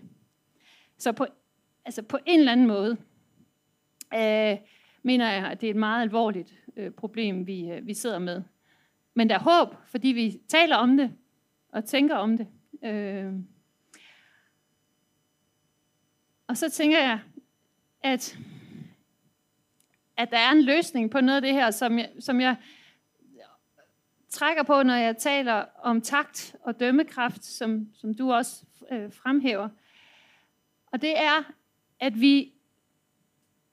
Jeg har, jeg har lige givet et interview til Skoleledernes Blad i Danmark, hvor jeg siger, at vi er nødt til at have skoleledelserne ud på ølkassen og forsvare skolens virke. Øh, altså, vi skal udvikle sprog. Vi skal udvikle fornemmelse for opgaven og kunne svare for os, når vi bliver spurgt om, hvorfor vi gør, som vi gør. Og det har vi ikke været gode nok til. Altså, vi, skal, vi skal styrke vores professioner. Vi skal gøre det attraktivt at være, være, være med. Ikke som et sted, hvor man skal sidde og krydse, krydse mål af, fordi det kan man gøre et andet sted, men som et sted, hvor man, hvor man har sans for opgavens vigtighed og betydningsfuldhed, og hvor fuldstændig afgørende det er for vores samfund, at vi bygger op fra neden, altså igennem vuggestue, børnehave, skole, ungdomsuddannelser. Øhm, så, og, og, og, og, og det ved vi godt, hvordan man gør. Altså. Vil nogen af jer kommentere kan jeg få lov å kommentere en, den diskusjonen som dere Du spilte litt opp til, eh, Knut Ove, dette med smerten og harmonien. Eh, og jeg vet ikke om jeg er uenig med deg, Knut Ove, men det er noe i sant, ideen om at læreren har som oppgave å bringe noe smertefullt inn i barnets liv. Hvis jeg, sånn, hvis jeg kan høre, hørte deg sånn. tenkte jeg Vi skal også være jeg vet ikke om jeg er enig i det.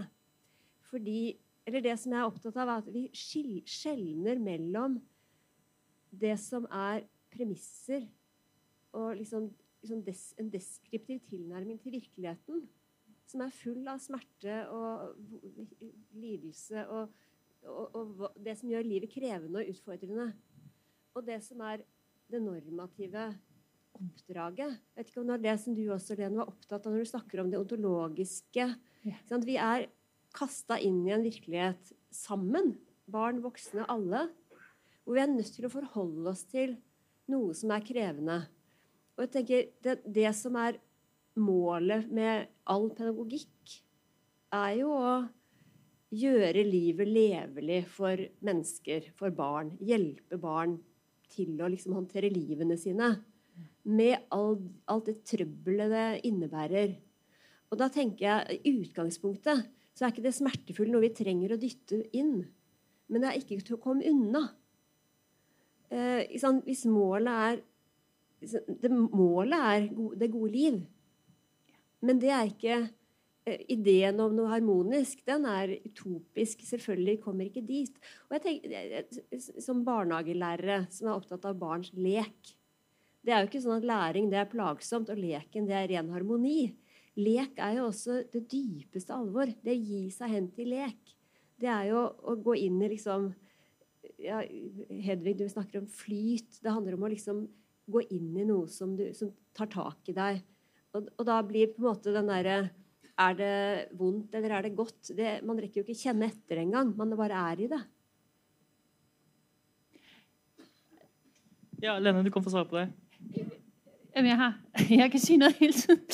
Nej, men det, det synes jeg bare er en rigtig vigtig pointe at skelne mellem det deskriptive niveau, altså det, det ontologiske vilkår, at smerten er der, og så det pædagogiske projekt, som selvfølgelig helt klart også involverer det fremmede. Det er helt, altså, god gamle sige. Altså, barnet skal i skolen ikke møde det, det kender hjemmefra. Det skal have lov til at møde noget, som er nyt for barnet, som er også uønsket, måske endda, som man ikke, og som er slidsomt at arbejde med. Men det pædagogiske projekt er et grundlæggende opbyggeligt projekt.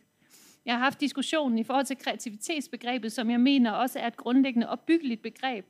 Øh, altså, kreativitet er ikke bare at producere noget nyt.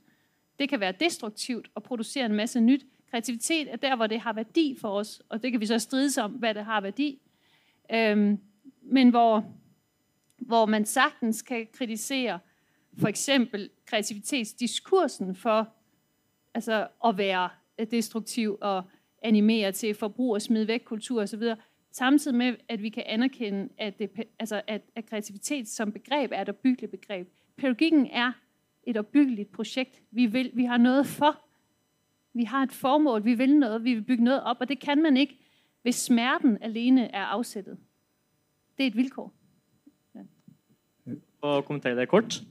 Jeg, jeg, jeg, tror litt også, Det har litt med om ikke fra skole eller barnehage, kanskje. Men, men jeg, jeg, tenker jo at for meg så er klart en pedagogikk et normativt no, Men, men ja, la, la oss ta sånne ting som matematikk. så er det For meg har det en ontologisk dimensjon.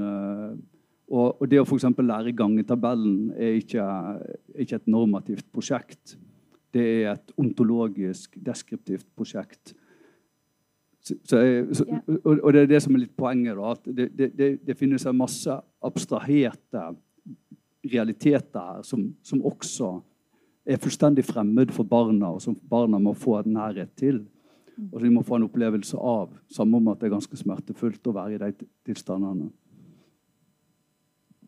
Ehm, jeg vil eh, ha oss litt tilbake igjen til, til, til dette med læring, eh, og også livslang læring, egentlig.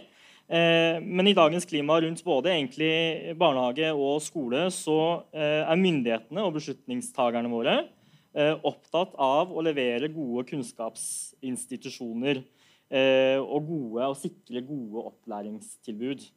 Eh, og da også gjerne sant, Her i, i, utdanningene så snakker vi om at vi må ha intensivt læringstrykk eller høyere læringstrykk hos studentene våre.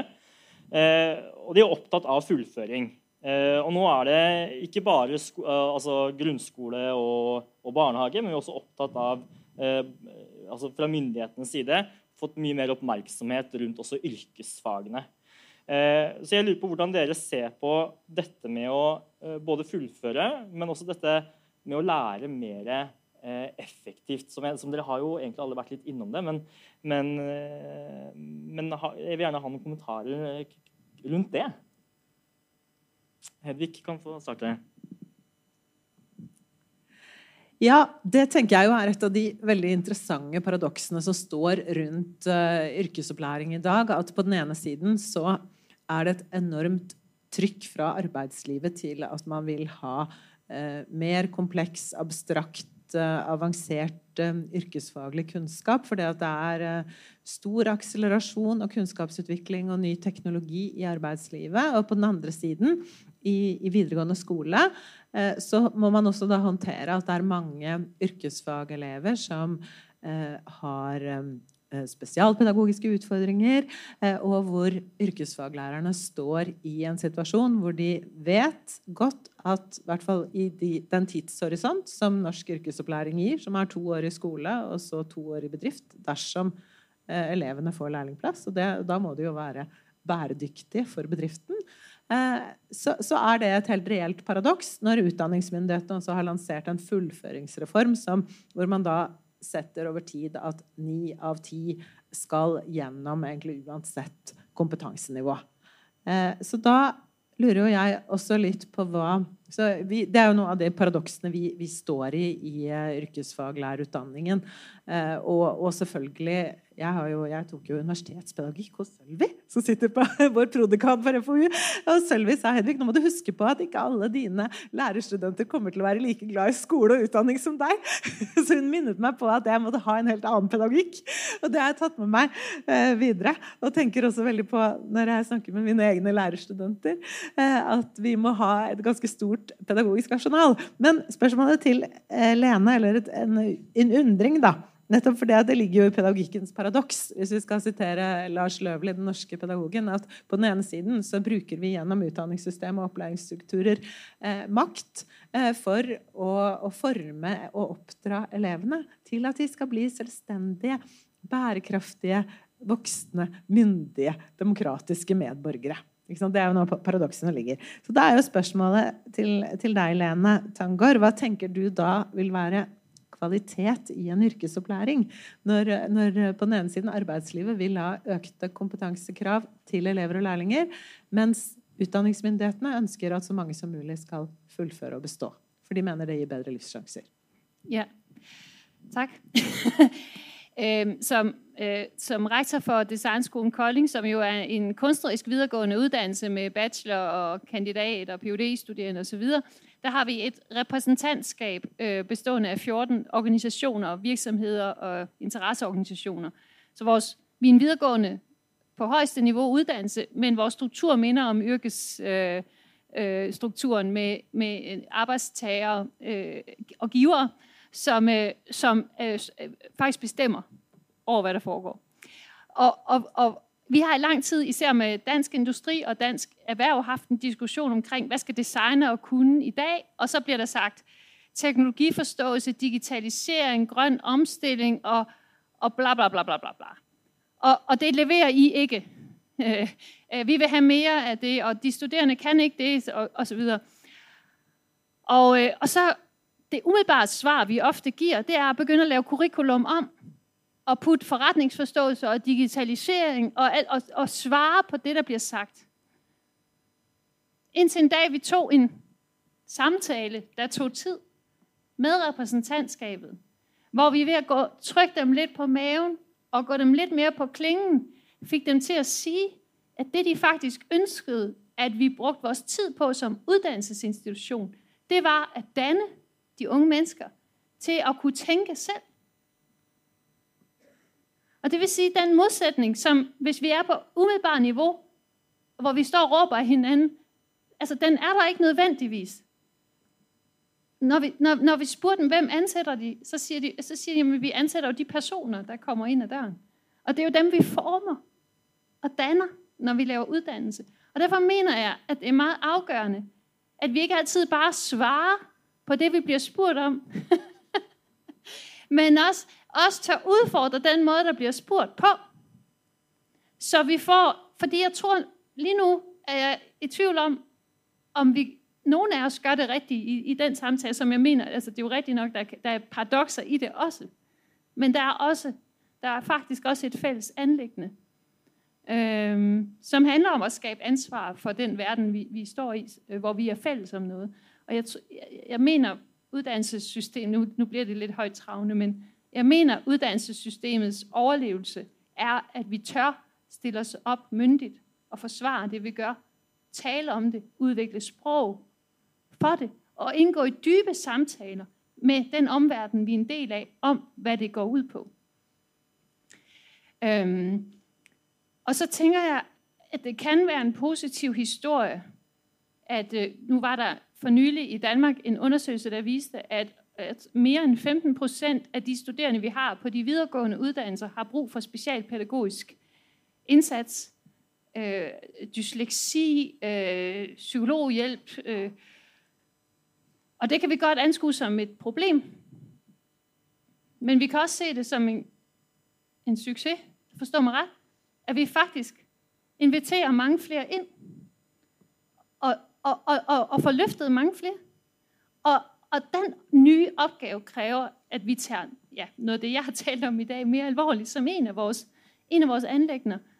Hvis vi vil have flere med, så er vi også nødt til at møde den, det nye materiale, den nye, det nye, de nye unge mennesker, der kommer ind, som har en, en følelsesmæssig sensitivitet, som jeg ikke ejer, tror jeg helt, og som de kan lære mig noget om.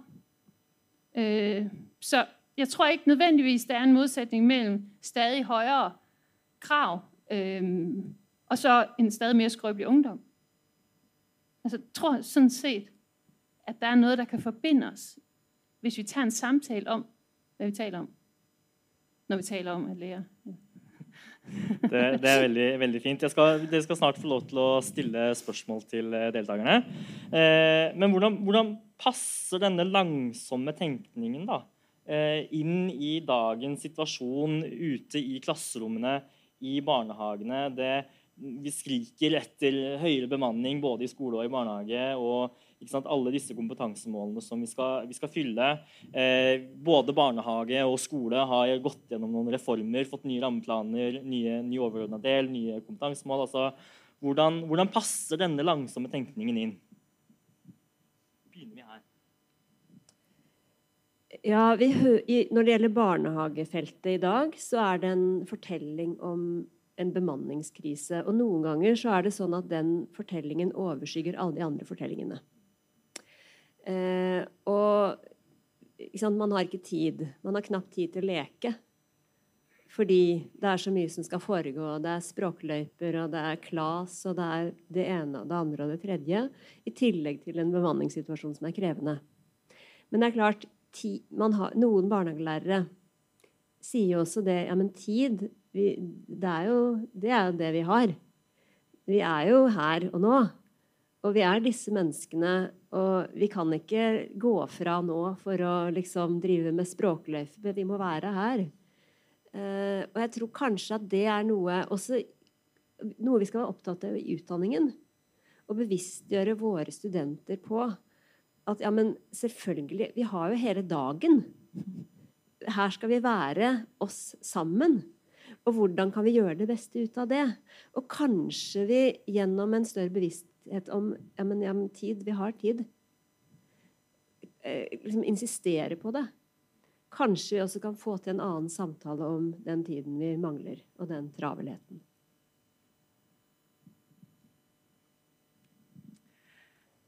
Ja, dette er med tid til å ha disse samtalene. For å forene motsetninger som i utgangspunktet er eh, krevende å håndtere. For igjen så kommer vi jo litt også tilbake til dette som er eh, hindringer, det som hemmer læring, det som er stengsler, og også det som Knut Ove eh, Eh, betegner også som smertefullt i læringen. Og, og da tenker jo jeg også en, en ting er at i, i, skolen så tenker jeg jo at man kan ha ulike typer løp for ulike elever med ulike læreforutsetninger. At man har forståelse for at eh, noen elever trenger mer tid, og det må de få. Eh, og I Norge så har vi jo nå en ny opplæringslov som yrkesopplæringen gjør at det er mulig å velge på nytt. Eh, og jeg tenker også Vi legger veldig mye press på unge mennesker på 15-16 år. At de skal velge hele sin karriere. Og så tror de at hvis ikke de har blitt noe innen de er 25, så, så har de kastet bort tiden sin. Eh, og så er det jo alt annet de har gjort. Og som Toril også sa i formidlingen, det var noen vanskelige år, så jeg klarte ikke å møte opp akkurat på skolen akkurat, eller på universitetet akkurat det halvåret. Eh, og så at vi formidler det. At man ikke trenger eh, å, å, gjøre alt helt på linje og lineært og på normert tid. Eh, når det gjelder eh, vårt universitet, eh, så tenker jeg at vi må ha forståelse for at vi også møter studenter som har ulike læreforutsetninger. Eh, og at vi faktisk da må ha økonomiske rammer og tid til veiledning og refleksjon. Også at man skal eh, få tid til å lære sammen, og at ikke alt skal være instrumentelle læringsaktiviteter, men at man jobber prosessorientert. Altså, jeg, jeg, tenker at det Lena har holdt på med, og förhoppningsvis kommer til skriva skrive enda mer, mer om i framtida, er guld värt for lærerne. Og for deres mulighet til å faktisk stå i jobben sin. Jeg tenker at det, er et forsvar for att faktisk kunne være litt frånvarande og faktisk kunne gå på toaletten en gang eller to i løpet av et øh, uh, arbetsdag utan att føle at du ikke gör jobben din. For det vet vi at skjer. Eh, det er også, eh, Jeg husker en SFO-ansatt eh, som fortalte meg at for 25 år siden så, det, altså, den gangen da, så, så gikk lærerne. Nå springer de.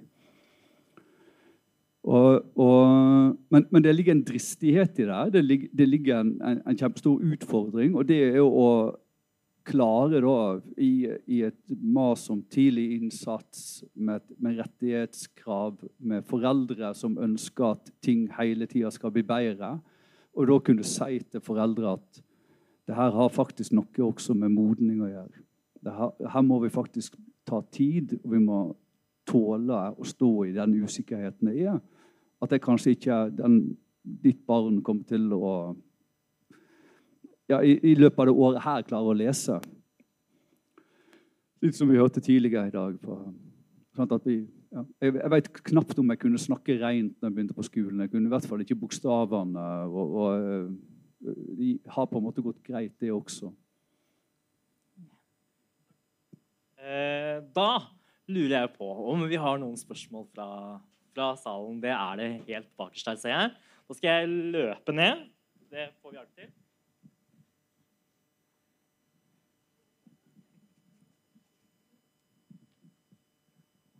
Jeg heter Frank Birkeland. Jeg har bodd i Sverige og Danmark. Og når jeg tenker mer og mer på dette med tempo, kunne ta pauser, koble ut, bokstavelig talt slå av Da skjønner dere hva jeg tenker på. Så er det en veldig forskjell mellom norske 15-30-åringer og danske og svenske 15-30-åringer. Alle jeg kjenner i Stockholmsområdet, i Lund-Malmö-området og i København-området, fra 15 til 30 år, de får den etter min mening veldig verdifulle pausen flere ganger i løpet av en dag, nemlig at de sykler til skole. De sykler til universitetet. De sykler dit, og de sykler dert.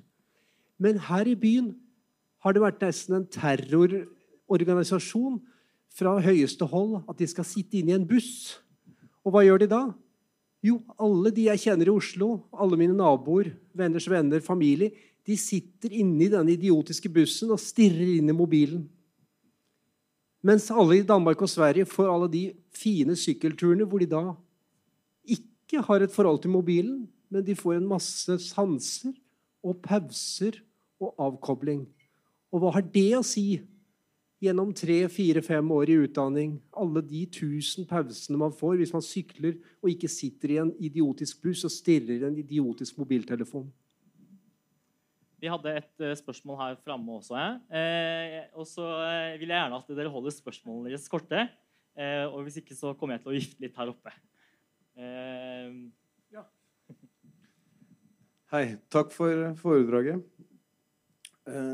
Jeg, opptatt, jeg, har jobbet i ti år eh, med førsteklasse Steinerskolen på Håseter. Eh, og eh, vi prøver jo å være en skole som er tilpasset det alderstrinnet eh, som førsteklasse er. Og jeg opplever at eh, hvis jeg Og jeg har vært god og dårlig lærer, for å si det sånn. Og eh, hvis jeg er litt sterk autoritet, hva skjer da? Da overtar jeg barnets indre med min ytre kraft. Eh, hvis jeg er veik, så er det like vondt det blir ikke bra for barnet om jeg er veik. Eh, for da, eh, da står barnet i Du kan bestemme alt selv. Og det er en skremmende situasjon. Så har du valget i sterk og svak rolle som pedagog. For sterk så gjør du en feil, og for svak gjør du en feil. Ja, Men hvor er balansen? og det er et kjempevanskelig spørsmål, men, og det er det heller ikke. Fordi Um, Nå veiver jeg. Det, det, det, er, det, er, heller ikke et vanskelig spørsmål, fordi, fordi, det er noe som er naturlig. Og det er noe vi gjør. Og når et barn eh, på fire år kan sløye et uh, dyr, så har de noen som vet hva som skal gjøres, som de kan etterligne. Og da er vi det etterlignbare voksne. Og da tenker jeg Det går også inn i bedrifter. Altså Hvis bedriften er eh, løsningen på utviklingen som de skal være i samfunnet, så kommer selvfølgelig et eh, individ inn i den bedriften. Og så har de voksne til stede som vet å møte verden. Så liksom, hvor er de voksne? Eh, et siste spørsmål der, og så eh, skal dere få kommentere. Eh. Tusen takk, Anne Greve. Jeg er professor i barnehagepedagogikk her på institusjonen. Tusen takk for et veldig inspirerende foredrag, og takk til dere i eh, panelet, ikke pennalet. Um, jeg håper ikke dere havner der ennå. Um, ja, nå får jeg ikke opp denne greia på telefonen min. Uh, men uh, uh, jeg tenker at eh, det som er jeg, Vi er ikke så veldig uenige. Jeg synes Det er veldig interessant å høre. Vi er ganske enige med ting. Jeg synes Det er symptomatisk at i rammeplanen for barnehagene nå så har ordet livsglede blitt erstattet med livsmestring. Det syns jeg sier veldig mye. At livet er nå ikke noe vi skal glede oss over, men noe vi skal mestre. For å være kort, da. Eh, Montessori Eh, veldig, veldig inspirert av henne, jeg også. Men noe jeg savner hos henne, som jeg, det er et direkte spørsmål da, til deg om Montessori, det er at hun er, som jeg oppfatter henne, om det er riktig oppfattet, at hun er mer opptatt av det individuelle barnet og, og det individuelle barnets mulighet for å lære. Hun var jo, hun var jo lege, og utgangspunktet hennes var jo barn mm. med nedsatt funksjonsevne. Eh, leken og, og barn-barn-relasjoner og og vennskap mellom barn og mellom lærere og barn, alle disse tingene, syns jeg er litt borte i hennes pedagogikk. Er det riktig forstått hos meg? Fra meg? Få kommentere først, Lene. Ja, det, det syns jeg du har fullstendig rett i. Altså, øhm, og det er nok hennes faglige perspektiv, der, der gør det. Øh, mine, mine observasjonsnoter fra, fra Leila med Walter og, og Anders og så videre, det er, jo, det er jo et fællesskap. Det er peer-to-peer. -peer, og, og, og det at være del af en, af en, en, en, en voksen praksis, hvor er de voksne, øh, er fuldstændig afgørende. Altså, det, skismaet er ikke mellem at være der eller ikke være der, men at have noget at være der for sammen. Og det er det, vi skal prøve at bestræbe os på. En af de udfordringer, der er i skolen i dag, er, at vi forventer, at børn skal lære ting, som de voksne ikke engang kan. Så. og så får jeg lyst til at, øh, i forhold til til tid. Øhm, min, min mand ringede i går, og han havde lige talt med, med biskoppen i, i Viborg. Og, øh, og så havde biskoppen i Viborg fortalt, at øh, Knud Ejler Løstrup, altså den danske teolog, som, som læringsglemsel er meget inspireret af, øh, når han skulle forelæse i København, så brugte han tre dage på det. En dag på at rejse til København, en dag på at være i København, og en dag på at rejse hjem fra København.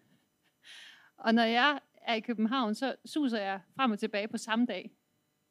Og det er jo bare altså, den tempoforøgelse, der, der er i vores liv, og de manglende pauser, som kan ligge i, at det også kan tage tid at komme fra A til B øh, på cykel, og ikke bare i, i bus. Øh, det er, jo, det er jo noget af det, vi skal have øh, overveje, simpelthen. Altså det er som om, at vi har glemt, at vi bare er mennesker, der kan have brug for ro nogle gange. Også i børnehaven. Ja. Jeg, må, bare kommentere det som Anne sier, akkurat om det med livsmestring. Jeg, jeg, jeg syns det er et forferdelig rart ord. Og, og, hvis man skal følge hardt mot rosa, så kan vi nesten begynne å antyde at det er livsbehersking. Uh, så, så, det er det, og Jeg husker jeg spurte studentene mine om hvordan de ville oversette det til engelsk livsmestring. Og da var det jeg som foreslo 'conquer of life'. Og, og, det er jo kanskje det det er. Altså bare, det, det, er jo døden som må være det. Men uh, ja, det er døden. ja. Uh, Solveig skal få kommentere kort her. Ja, en dimensjon som også har med tid å gjøre, og med dette livet det er jo at vi, vi utdanner jo for en ukjent framtid. Det ligger også i dette paradokset, uansett hvor detaljerte læreplaner og hvor grundige og gjennomtenkte rammeplaner vi har i skole og barnehage, så vet vi jo ikke. Og det er det som også er så paradoksalt i den enorme ambisjonen om å liksom bringe inn det ene og det andre og alle bekymringene og hvor galt det går hvis ikke vi gjør sånn og sånn og sånn. og sånn. Og så, ah, Vi vet jo ikke. Og det er jo også den hva skal jeg si, den derre respekten for og ydmykheten i møte med barn. De kommer jo til å være der. Det er ikke vi som kommer til å være der. Det er de som skal stille disse nye spørsmålene. Det er de som skal, den virkeligheten vi skal myndiggjøre til. Vi kjenner den ikke.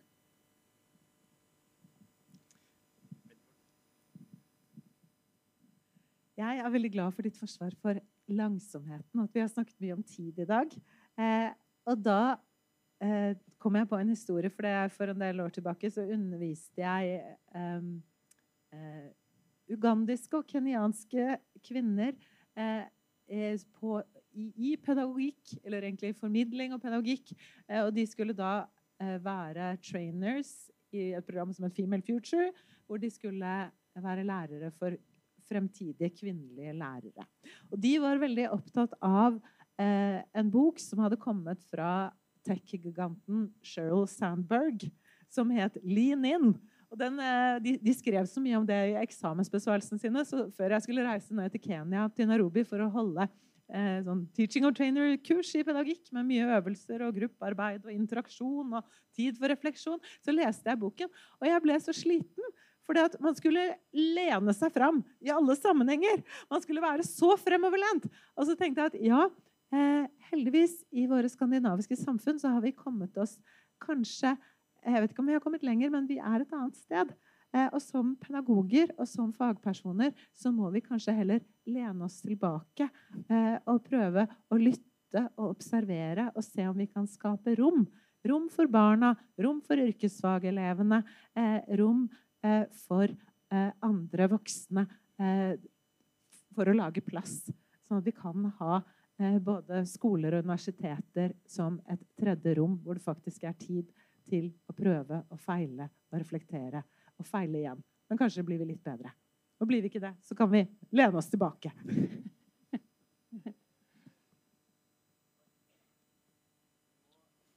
Se at vi er på, på tida. Eh, men kanskje, Lene, hvis du er helt, helt liksom, veldig kort bare vil liksom si, si eh, Hva skal vi ta med oss? Altså, jeg synes bare, det var så flot beskrevet, så jeg har ikke lyst til å si noe. Men jeg synes, vi skal ta med oss at vi sammen altså, kan holde fast i det, som er centralt. At tid og frihed er noget, vi tager og vinder. Men at det ikke handler om at beherske livet, fordi det, det kan vi ikke. Jeg kan ikke sige noget mere begavet.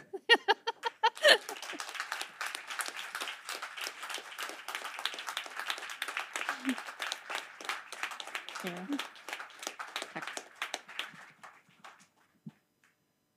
Skal vi se, Kan anersettende-komiteen komme opp og stille seg der?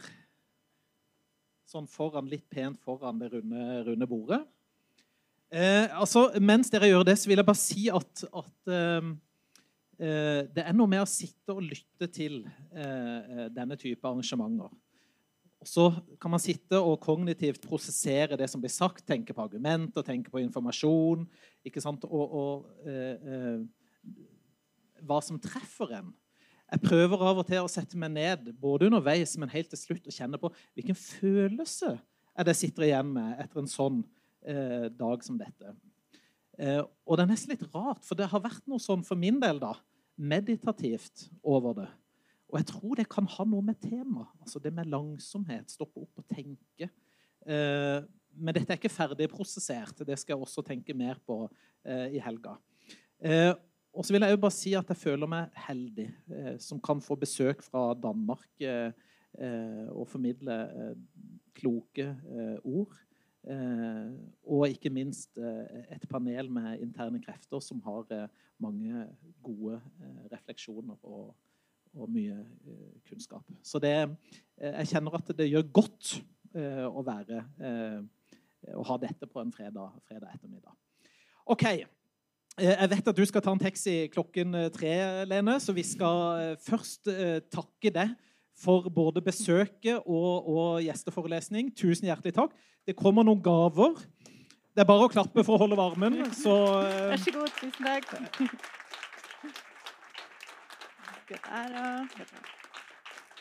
Tenkte jeg bare skulle si at, eh, at oppi der så ligger det altså en bok om eh, Anna Setne. Eh, folkeopplyseren, skrevet av, av Willy Ågre, som er professor. Den han har vi her. Eh, professor emeritus på USN, altså Universitetet i Sørøst-Norge. Det er et skjerf tegna eller designa av ansatte på Oslo OsloMet i merinoull. Det blir bra eh, nå som det er litt kaldt ute. Og så er det også honning oppi der, som da er produsert på taket av denne bygningen her. Så da får du noen andre minner enn bare fingerskader her fra, fra Oslo OsloMet. Og så eh, Nå kan dere egentlig Det er litt kjølig her inne, så det er bare å klappe i vei. Tusen takk til Lene. Nå kommer det blomster til, eh, til komiteen. Det kommer blomster til eh, panelet. Og så er det sånn at vi er ikke ferdig. For etter eh, blomsterutdelinga så blir det også et kulturelt innslag som Ardis skal få lov til å presentere. Det stemmer, det? Ja. Eh, og etter det så blir det tid for litt, eh, litt eh, mingling. Men, eh, men eh, Lene, du skal få lov til å forlate scenen. Som sagt, jeg vet det er en taxi som, som venter på deg, så tusen takk eh, til, alle, til Lene og til alle sammen.